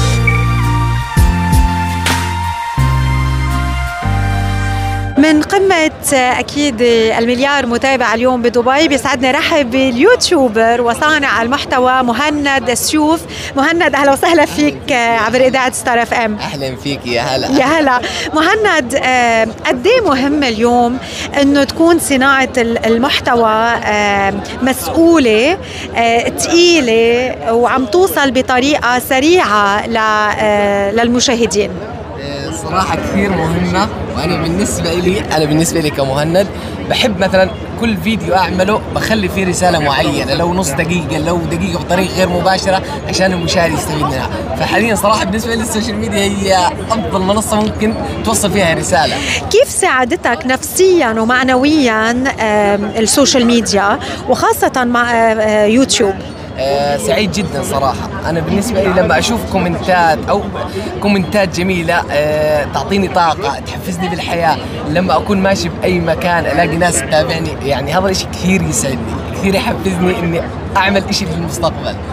مهند قد إيه برأيك ألهمت آه ناس آه آه آه، أعطيتهم أمل؟ قد إيه حسست بعض الأشخاص إنه القوة هي بالتفكير القوة هي بالاصرار القوة هي بال- بالمتابعة القوة هي بالإبداع وبالمسؤولية وبصناعة المحتوى مش إنه الواحد يستسلم لأي حالة هو عايشها. أكيد أكيد. أنا بالنسبة لي آه، أكثر كومنت يجيني هاي إنه يا مهند أنت ألهمتنا بالحياة بشيء كثير. إنه نسعى للأفضل إنه نعمل إنه أنت رغم المصاعب عملت يعني عملت المستحيل.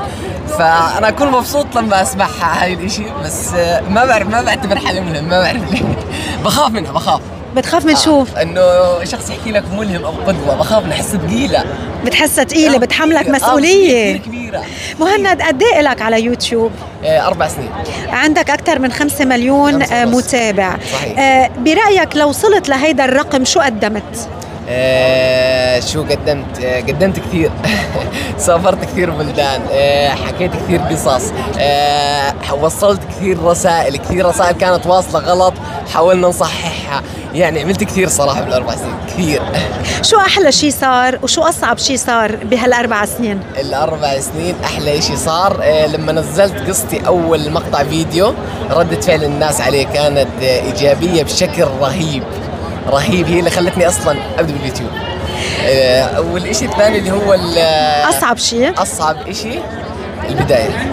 البداية, اصعب شيء كان شو يلي خليك تبلش على يوتيوب؟ قصتي. ودح... قصتك. شو قصتك؟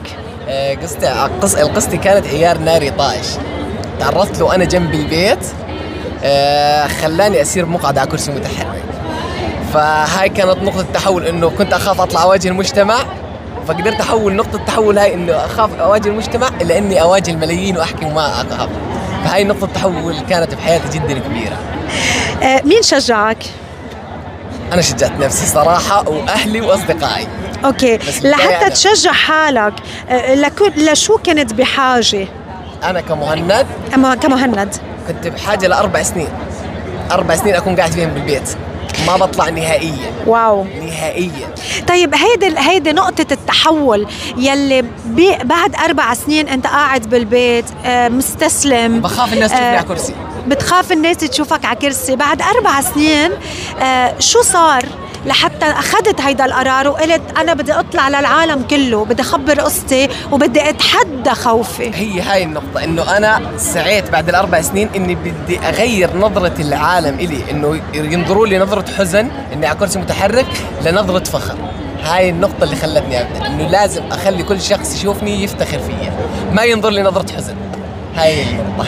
الإنسان قوي بس وحاب اوصلها كنت الكل. طبعا أنت أنت قوي. أهلا وسهلا فيك مهند. نورتنا وكل التوفيق لك. شكرا لك على اللقاء الجميل. أهلا وسهلا. مهند سيوف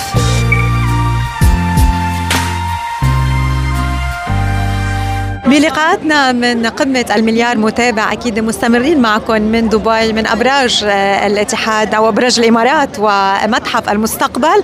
وبهذا الوقت بدي أرحب بأصالة من أنس وأصالة. أهلا وسهلا فيك أصالة. أصالة شفتك على ال stage ب discussion. لصراحة لفتي لي نظري بشغلة كتير مهمة. قد أنت حقيقية وقد أنت عم تحكي من قلبك؟ اليوم صناع المحتوى اختلفوا ما بين الحقيقة وما بين الصورة يلي مخبيين وراء من خلالها وراء الشاشة. سو إذا بدي أحكي عن هذه الحقيقة وهذه العفوية يلي موجودة بأصالة مع أنس. شو فيك تقولي عنها أصالة؟ وقد قدرتي حفظتي على هذه الحقيقة بعالم افتراضي؟ أنا بظن ما دائما بسأل حالي هالسؤال لأنه أنا سياسي وبيعرف يحكي فبصراحة بيني وبينك تغار شوي إنه أنا ليش ما بعرف جاوب منيح أو فكر قبل ما أحكي مثلا.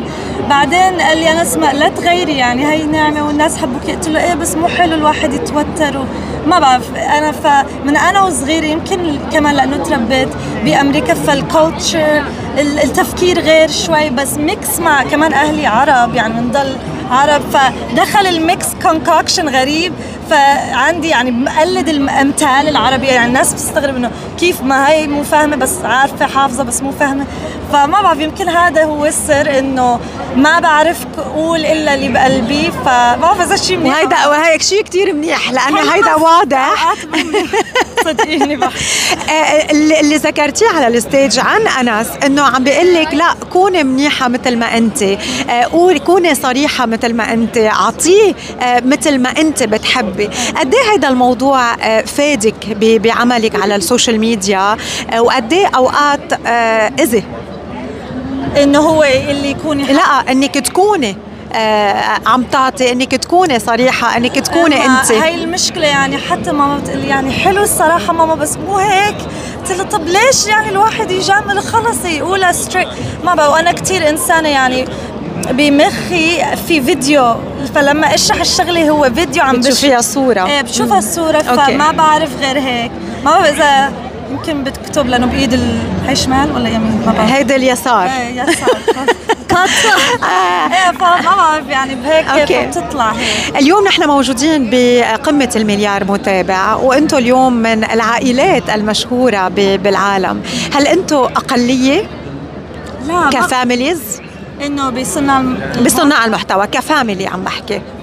في كتير صناع محتوى. families هون okay. بدبي يعني إذا عم نقول أو بالعالم العربي بس آه، ما بعرف يمكن هلا تغير شوي إذا عم نحكي على اليوتيوب انتقلوا أكثر يمكن على التيك توك أو انستغرام بس والله في كتير وكتير مهضومين ويعني بنحبوا بصراحة بتخافي على. بتخافي على آه، أولادك من المستقبل أو بتحسي وجودهم على السوشيال ميديا بيطمنك إنه أنت اسستي لهم من هلأ بخاف بس بنفس الوقت اسست لهم. أنا وأنس طبعا فكرنا كثير بهالموضوع مو سهل لأنه it's tricky إنه أنا فتحت كل الأبواب لبنتي وابني وهن بيختاروا. فأنا يعني في ال options ما عم أقول ما بدي إياها تكون صناعة محتوى أو ما بدي إياها تكون أشياء يعني طبعا بدي أخلي كل option واقعد ورا وشوف شو حتختار. هيك. دخولكم إلى دولة الإمارات كان من الباب العريض لما وصلتوا وحطيتوا الجندر ريفيل آه، للبيبي تبعكم على برج خليفة. وبهيداك الوقت طبعا تعرضتوا للانتقادات وبنفس الوقت في مين صفق لكم واحتفل آه، معكم. اليوم إذا بترجعي بتلتفتي لهذا المشهد. شو بتقولي لأصالة؟ إنه أنا خصوصي؟ إنه شو قصدك؟ إنه يعني آه، إذا بتطلعي بترجعي لهيدا اليوم يلي من خلاله دخلتوا آه، إلى دولة الإمارات بهيدا الطريقة. آه، حملتوا ال gender reveal على على برج خليفة. إذا بترجعي بتلتفتي لهيدا النهار وبتشوفي أصالة بهيداك النهار بتقولي لها عفاك يا أصالة you did what uh, what was great أو أصالة شو عملتي؟ إيه عن جد شو ليكي؟ هلا أنا مجرد سألتي السؤال لك أشعر بدني okay يعني أنا- عملتي the best حتى يا ريت بقول لحالي استني إنه لأنه حسيت الشغلة صارت بسرعة فما كنت يعني 100% مركزة فبقول لحالي لا take take a minute and cherish the moment. هيك بقول لحالي إنه. أصالة أنا كتير مبسوطة تعرفت عليك هالمرة. حببتيني أكثر بأنس وأصالة للصراحة لما سمعتك على الستيج. لكل يلي عم يشوفونا شو بدك تقولي لهم اليوم؟ سواء. كانوا مشاهدين متابعين أو صناع محتوى. بدي أقول لهم إنه يعني أنا كثير فخورة إني هون بدبي بيتي الثاني وكثير مبسوطة بلقائي معكم وإنه عم بحكي معكم والكم يمكن لأن- لأنه غبنا وهيك فاشتقتوا لنا ف بت بتمنى إني رجعت ولا واحد بالمية باللي اللي جاي لسه بالمستقبل. ف... كل التوفيق لك أصالة و- وأنس وذا تو بيبيز كمان. أهلا وسهلا. يا هلا. يا هلا.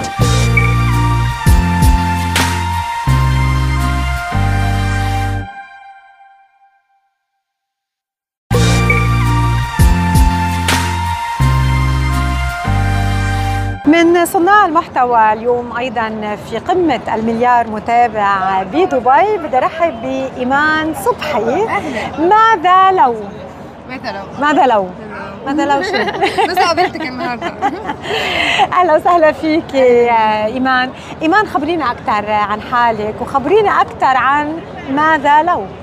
ماذا لو برنامج لذيذ آم، آم، ترفيهي في نفس الوقت سياسي اقتصادي آه، اجتماعي علمي سياسي متنوع.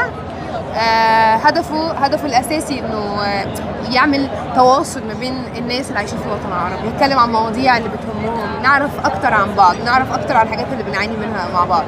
ومن ثلاث سنين أنا قادرة أشوف يعني بعد ثلاث سنين بعمل كونتنت من الوطن العربي عن الوطن العربي.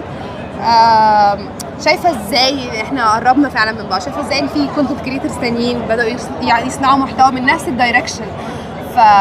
فده قرب مننا قرب قربنا كتير. والنهارده وإحنا في ال event ده كأني شايفة بقى كل النتيجة بتاعت إن إحنا كلنا عملنا كل كل content creator عامل عامل فيديو هو من بلد وعامل فيديو عن بلد تانية. هو من بلد وعامل فيديو عن بلد تانية وده. ورا ده بالنسبة لي بليجر واونر فاهمة قصدي؟ Okay. إيمان وين based أنت وين ساكنة؟ أنا في مصر. أنا- أنت في مصر. Okay. اليوم جيتي من مصر لحتى تكوني موجودة ب- بهيدي القمة. ليه؟ ليه مهم هذا الموضوع بالنسبة آه، لك مهم إن إحنا نكون مع بعض زي ما كنت لسه بحكي إنه صناع المحتوى آه، في الوطن العربي مش كتير. إحنا قليلين ومحتاجين نبقى موجودين مع بعض عشان نعرف ندعم بعض ون- ونشجع بعض ونشجع ناس تانيين إن هم يبدأوا صناعة المحتوى كمان. Okay. يعني لأنه لأن زي, زي ما بقول دايما إنه صناعة المحتوى في الوطن العربي ما فيهاش talents كفاية. محتاجين ناس أكتر تعمل content محتاجين ناس أكتر تتكلم محتاجين انت تعملي content انت تعملي. كل الناس لازم تعمل content آه عشان عندنا مواضيع كتير لسه ما حدش اتكلم فيها ولسه عايزين نتكلم فيها ونناقشها. ال social media بقت ده المكان المناسب إن إحنا نناقش المواضيع دي. Okay. آم، فعشان كده عشان كده وجودي هنا مهم إنه أنا بتواصل مع كل الناس اللي هم بيعملوا حاجة شبهي.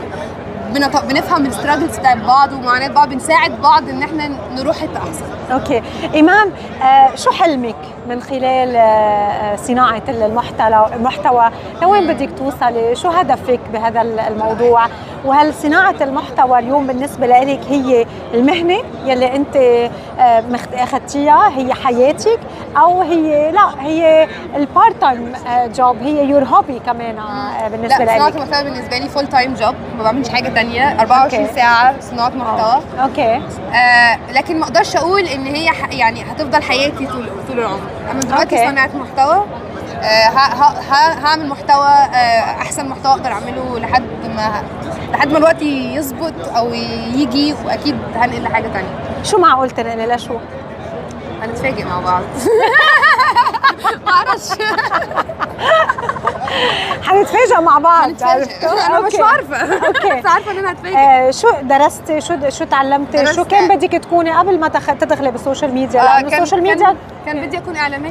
إعلامية. فانا درست إعلام درست صحافة اشتغلت في الصحافة وفي الإعلام أول ما اتخرجت. بعدين رحت لل marketing بعدين رجعت تاني للميديا. من خلال ال social media platforms شو التحديات يلي بتواجهيها اليوم؟ يمكن في أشخاص عم بيسمعونا هن بأول الطريق يمكن في أشخاص حابين إنه يكونوا active أكثر على ال social media فاذا بدنا نحكي عن التحديات وبدنا نحكي عن إيجابيات آه، صناعة المحتوى شو. فيك تقولي لهم؟ بالنسبة لإيجابيات آه، صناعة المحتوى آه، يعني زي ما لسه كنت بقول إن هي بتقربنا من بعض بتخلينا آه، عندنا مساحة إن إحنا نتكلم فنفهم بعض فنلاقي حلول لمشاكل كتير بنواجهها موجودة في الوطن العربي عايشين عايشينها كل يوم. فدي أول حاجة آه، بالنسبة لي يعني مفيدة كصناعة المحتوى إن بتحسسك بتحسس كل إنسان إنه مش لوحده إنه عنده إنه إنه في حد معين تاني بيتفرج عليه هو حاسس بنفس المعاناة. دي أول أصلا بداية إنه يحل مشاكله إن هو اولا ما يحسش إن هو لوحده. فدي برضه من الايجابيات الك- الكبيرة اللي أنا بشوفها. الناس كتير بتقابلني تقول لي أنا شفت الفيديو ده في وقت معين فعملت كذا ف... okay. فإن هو ما حسش لو... إن هو لوحده.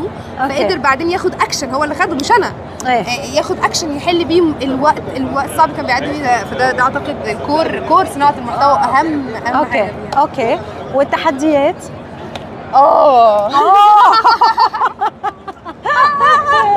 تحديات صناعة إيه، المحتوى. تبدا آه، من أول في تحديات عامة وفي تحديات خاصة؟ كونك ست أصلا انت عارفة طبعا. okay. السيف المطلق. فالتحديات العامة من, إن إن لأن برضو إحنا في واقع ما فيش صناع محتوى كفاية. فواحدة من التحديات العامة إن ال- المجال وال field كله لسه ما ما استواش ما نضجش. ففي كتير struggles في ال في ال daily operation مع ال brand deals مع الشركات اللي بتشتغل معاها مع حتى ال team لأنه مش فاهم معاك أنت نفسك أنت مش فاهم مفيش reference فالدنيا لسه بتبدأ أنت كأنك بتبدأ تبدا من scratch ف... فدي دي دي حاجة صعبة إن هو مفيش reference يخليك تبقى عارف رايح فين. كست بقى آه طبعا ال- ال- الشعب العربي آه ما مش بيدي ال credibility للست بسهولة. فبتخيلي ست بتطلع تقول معلومات جد طب أنا أنت مين؟ فمفيش credibility الشعب العربي ما بيديش credibility للست بسهولة. فأنا أنا تعبت عشان اونلاين بكتير من ال comments السيئة عشان بس الناس تبدأ تصدقني.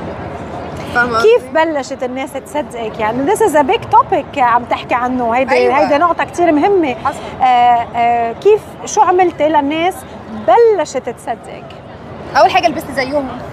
يعني كان نفسي مش ما يبقاش ابدا آه، يبقى ضد أي حد بيف- بيفكر أي تفكير. يعني اللبس يبقى عادي يبقى ناتش neutral okay. فأول حاجة لبسي كان neutral آه آه طريقة كلامي neutral آه شكلي عادي شكلي شبه كل الناس اللي بيشوفوهم في الدنيا. فأول حاجة إنه ما, يبدأش الناس تقلق مني. انه هو آه شبه أختي اول تصحى من النوم okay. ده أول ده أول حاجة حاولت أعملها عشان ال credibility okay. تاني حاجة بدعم بقى كلامي دايما بال science دايما بال studies دايما بحط resources موجودة. دايما بفتح conversation دي اللي هو بتاعت الستات في ال content بقى جوه ال content دايما بدي رسائل مخفية عن أهمية الستات وعن وجودهم وعن رؤية المجتمع ليهم وحاجات كده. فيعني ده ده رد باختصار بس يعني شغل كتير. يعطيك العافية واهلا وسهلا فيك إيمان و- وكل التوفيق و وماذا لو رح نختم المخ- المقابلة هلأ؟ bye. bye. merci قوي شكرا. انبسطت قوي أسئلتك لذيذة جدا. thank you حبيبتي. تشرفنا.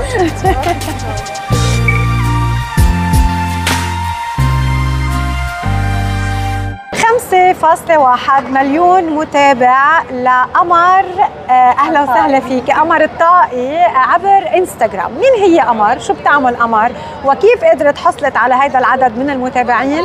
اليوم كمان بنتعرف أكثر على قمر عبر إذاعة ستار إف إم ومن 1 Billion Followers Summit أهلا وسهلا فيك قمر. قمر آه، خبرينا أكثر عنك. مين هي قمر الطائي؟ قمر طاي يوتيوبر و entertainment content creator عندي 5 مليون على الانستغرام وعلى تيك توك 5 مليون وعندي 3 مليون ونص على اليوتيوب. okay. آه اليوم هل أصبح تعريف قمر بالأرقام يلي بيتابعوا آه قمر الطائي؟ آه، محبة العالم. الحمد okay. لله. يعني أنا مش متابعين عندي محبين الحمد لله كثير بحبوني وعندي fans كثير كبير ليه بيتابعوك؟ شو بتقدمي لهم؟ شو بتضيفي؟ بس اللي يمكن لأني قريبة من المتابعين قريبة منهم ما بحسسهم إنهم متابعين بحسهم إنه عيلتي الثانية وهذا الشيء فعلا حبيته يعني عفوية بيحكوا لي ما بقدر أنا أحكي عن حالي عفوية هن هيك بيحكوا لي فذات صرت يعني بحسوا حالهم قريبين مني قد إيه لك على ال social media قمر؟ كورونا من وقتها. كورونا، قبل أي. كورونا مين كانت قمر؟ كانت امل طفلة عمرها 13 سنة okay. بتقعد بالبيت بتلعب ما ما عندها شيء أوكي. ذات صرت بعدين قررت أفتح سوشيال ميديا وقت الكورونا. والحمد لله نجحت. وقت قصير يعني جبت أرقام الحمد لله. يعني قد قد إيه عمرك أنت اليوم؟ 18 سنة. من أسبوع صرت 18 18 سنة. آه قد إيه بحملك هيدا الموضوع مسؤولية قمر يعني؟ كبيرة. إيه. يعني الحمد لله أنا بهيك عمر عم بقدر أكون مسؤولة عن حالي. لأنه أنا يعني هذا يعتبر my business بالأخير ف مين بيساعدك؟ لحالي وكيف بتشوفي المستقبل؟ يعني اليوم هل عمل آه، قمر هو آه، كل ما يتعلق بصناعة المحتوى أو آه، قمر هيدا موضوع جانبي بالنسبة لها وهي بدها تكمل دراستها بدها يكون عندها كمان شغل الدراسة آخر. مهمة أكيد بس أنا الشيء الأساسي عندي هو السوشيال ميديا يعني أنا حياتي عبارة عن السوشيال ميديا هو شيء أنا بحب أعمله بنفس الوقت my business ف حتكملي دراسة جامعية؟ هلا إن شاء الله المفروض أفوت سنة يا آه، افوت جامعة عفوا هي السنة أو السنة الجاي. بس هلا تركيز على السوشيال ميديا صراحة. شو بدك تدرسي؟ ميديا ميديا أوكي. آه، لحتى تضيف لك شو؟ تضيف لي خبرة أكثر ممكن وإيش بالأخير الشهادة سلاح. بتعرف يعني السوشيال ميديا ما بتعرف شو ممكن يصير فيها بالأيام فالواحد لازم يكون عنده شهاده. اليوم مشاركتك بال 1 بليون followers summit قد إيه مهم؟ وقد إيه كمان من خلال متابعينك آه، الناس عم توصل آه، أو أو هذه القمة عم توصل لمتابعين أكبر وأكثر. الحمد لله يعني إنه قدرت أوصل لهالمرحلة وقدرت إنه أصير أمدعي لهيك مكان وهيك شيء عندك أصدقاء آه، كمان content أكيد creators أنا بال content creators هون بعرفهم. أنا كل خمس دقائق عم بشوف حدا وصل له أوكي. آه، كيف تعرفتي عليهم؟ من خلال. السوشيال آه، ميديا. آه، بتتابعوا بعض تعملوا comments لبعض؟ بالضبط آه بالضبط. يعني كنا زملاء شغل بالأخير هذا شغلنا وين وين بتلتقوا بس على الاونلاين هلا؟ أكيد بال event ات بالحفلات مرات بنلتقي برا السوشيال ميديا بدون تصوير وهيك يعني. في آه، جزء من حياتك بدون تصوير قمر أكيد. في حياتي الخاصة وفي حياتي السوشيال ميديا. ما بحب أخلط بيناتهم لأنه لازم الواحد يضل عنده شوي خصوصية privacy آه، كيف حاطة هيدا ال- الحدود؟ وشو يلي ما ما بيطلع هلأ صعب تحطيها للحدود هي كثير إيه. صعب لأنه هن حيدخلوا بالاخير بس بتنحط يعني مو كل شيء بيتصور مش كل شيء بتصور مش كل شيء خاصة في أشياء بتتصور مم. وبتعتبري إنه السوشيال ميديا آه، كسرت شوي حاجز خصوصية قمر بحياتها. يعني اليوم أنت لما بتروحي على مكان قمر آه، الناس بتعرفها؟ أكيد أكيد. يعني أنا أي مكان بروح له بنعرف بالأخص بالبلدان العربية يعني. ف مش مزعج الموضوع بس أحيانا الواحد ما بيكون بال mood فبيخاف إنه العالم يفهموه غلط. إذا كان مثلا مش مبسوط أو مش فرحان بس أنا كثير يعني بنبسط لما أشوف. شو أحلى شيء آه، بيخطر على بالك من صفحتك على السوشيال ميديا وشو الشيء اللي ما بتحبي لا تسمعيه ولا ترجعي تشوفيه على السوشيال ميديا بخصني يعني؟ ما بحب أسمع إشاعات الحب اللي بتطلع عني لأنه كل يوم بتطلع عني إشاعات حب اني مرتبطة مع حدا وهذا حدا بيكون حتى ما بيني وبينه ولا شيء. شو الشيء اللي بحبه؟ يعني بحب العالم الي كثير بنبسط لما أشوف الناس كيف بدافعوا عني وبحبوني انهم بس بيشوفوني من ورا شاشة. هذا شيء كثير حلو. أهلا وسهلا فيك يا قمر.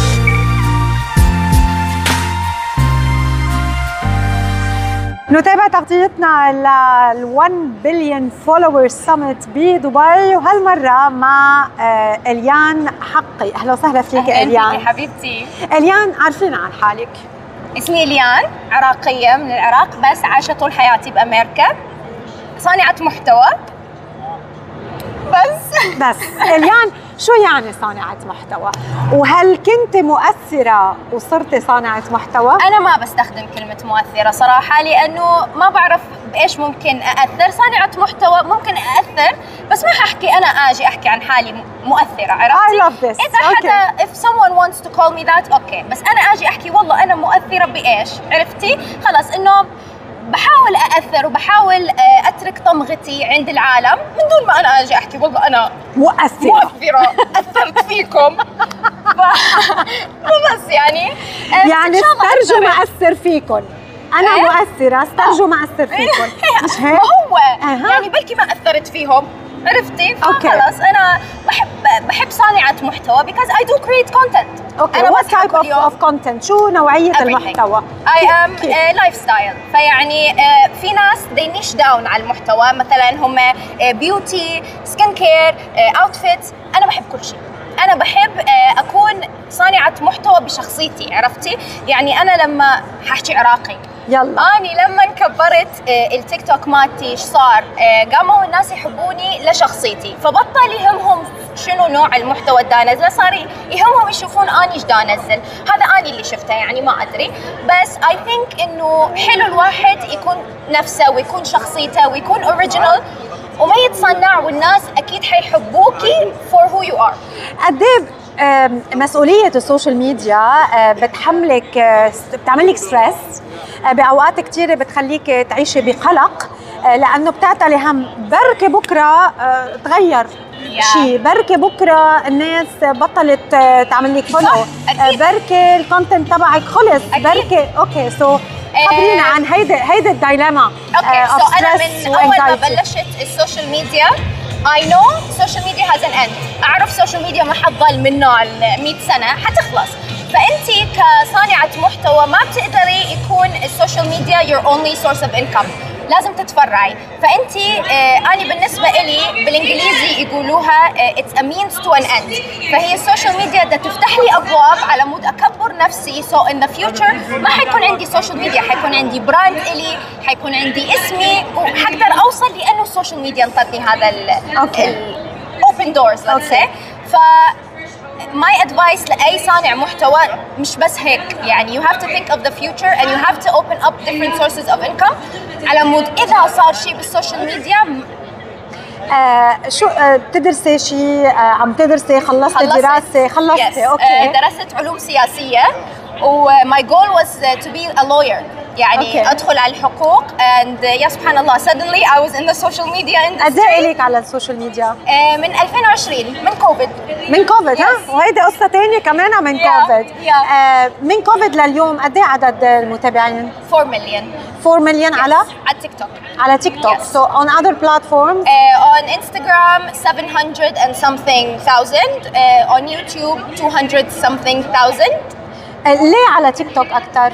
It's so easy to grow on TikTok. يعني انت بس إذا تكوني انت نفسك وتكوني شخصيتك وتنزلي consistently. Consistency is key بس أي social media platform إذا انت أني نزلت اليوم ومن الشهر ما نزلت ما you're not gonna grow. بس أني اجتي سنة كاملة ما I don't miss a day. I post every single day. كم مرة بالنهار؟ آه، حسب حسب قد إيه عندي محتوى. إذا أنا عندي minimum و maximum minimum once a day maximum four five a day. Oh. هذا اذا بدي يعني I spam them. Okay. they like it. okay ف minimum once a day for consistency. okay so درست علوم سياسية. أنت اليوم active على ال social media كان بدك تكوني محامية. yes and لقيت حالك على ال social media اوه صرت famous على ال social media and then what's next growth growth for me مش مش growth social media ارقام أوكي الحمد لله موجوده growth business growth اسمي بدي آه، شوفي my goal in life صراحة آه، non-profit organizations أها آه، اساعد الناس اساعد animals ف I want to reach a point where I'm financially stable ابلش اعمل هيك شيء والحمد لله social media is that means to that end beautiful yes. this is a smart content creator ها توافقوا معي على الموضوع اليانا great having you Thank you. و... Nice to meet you. تسمعي راديو؟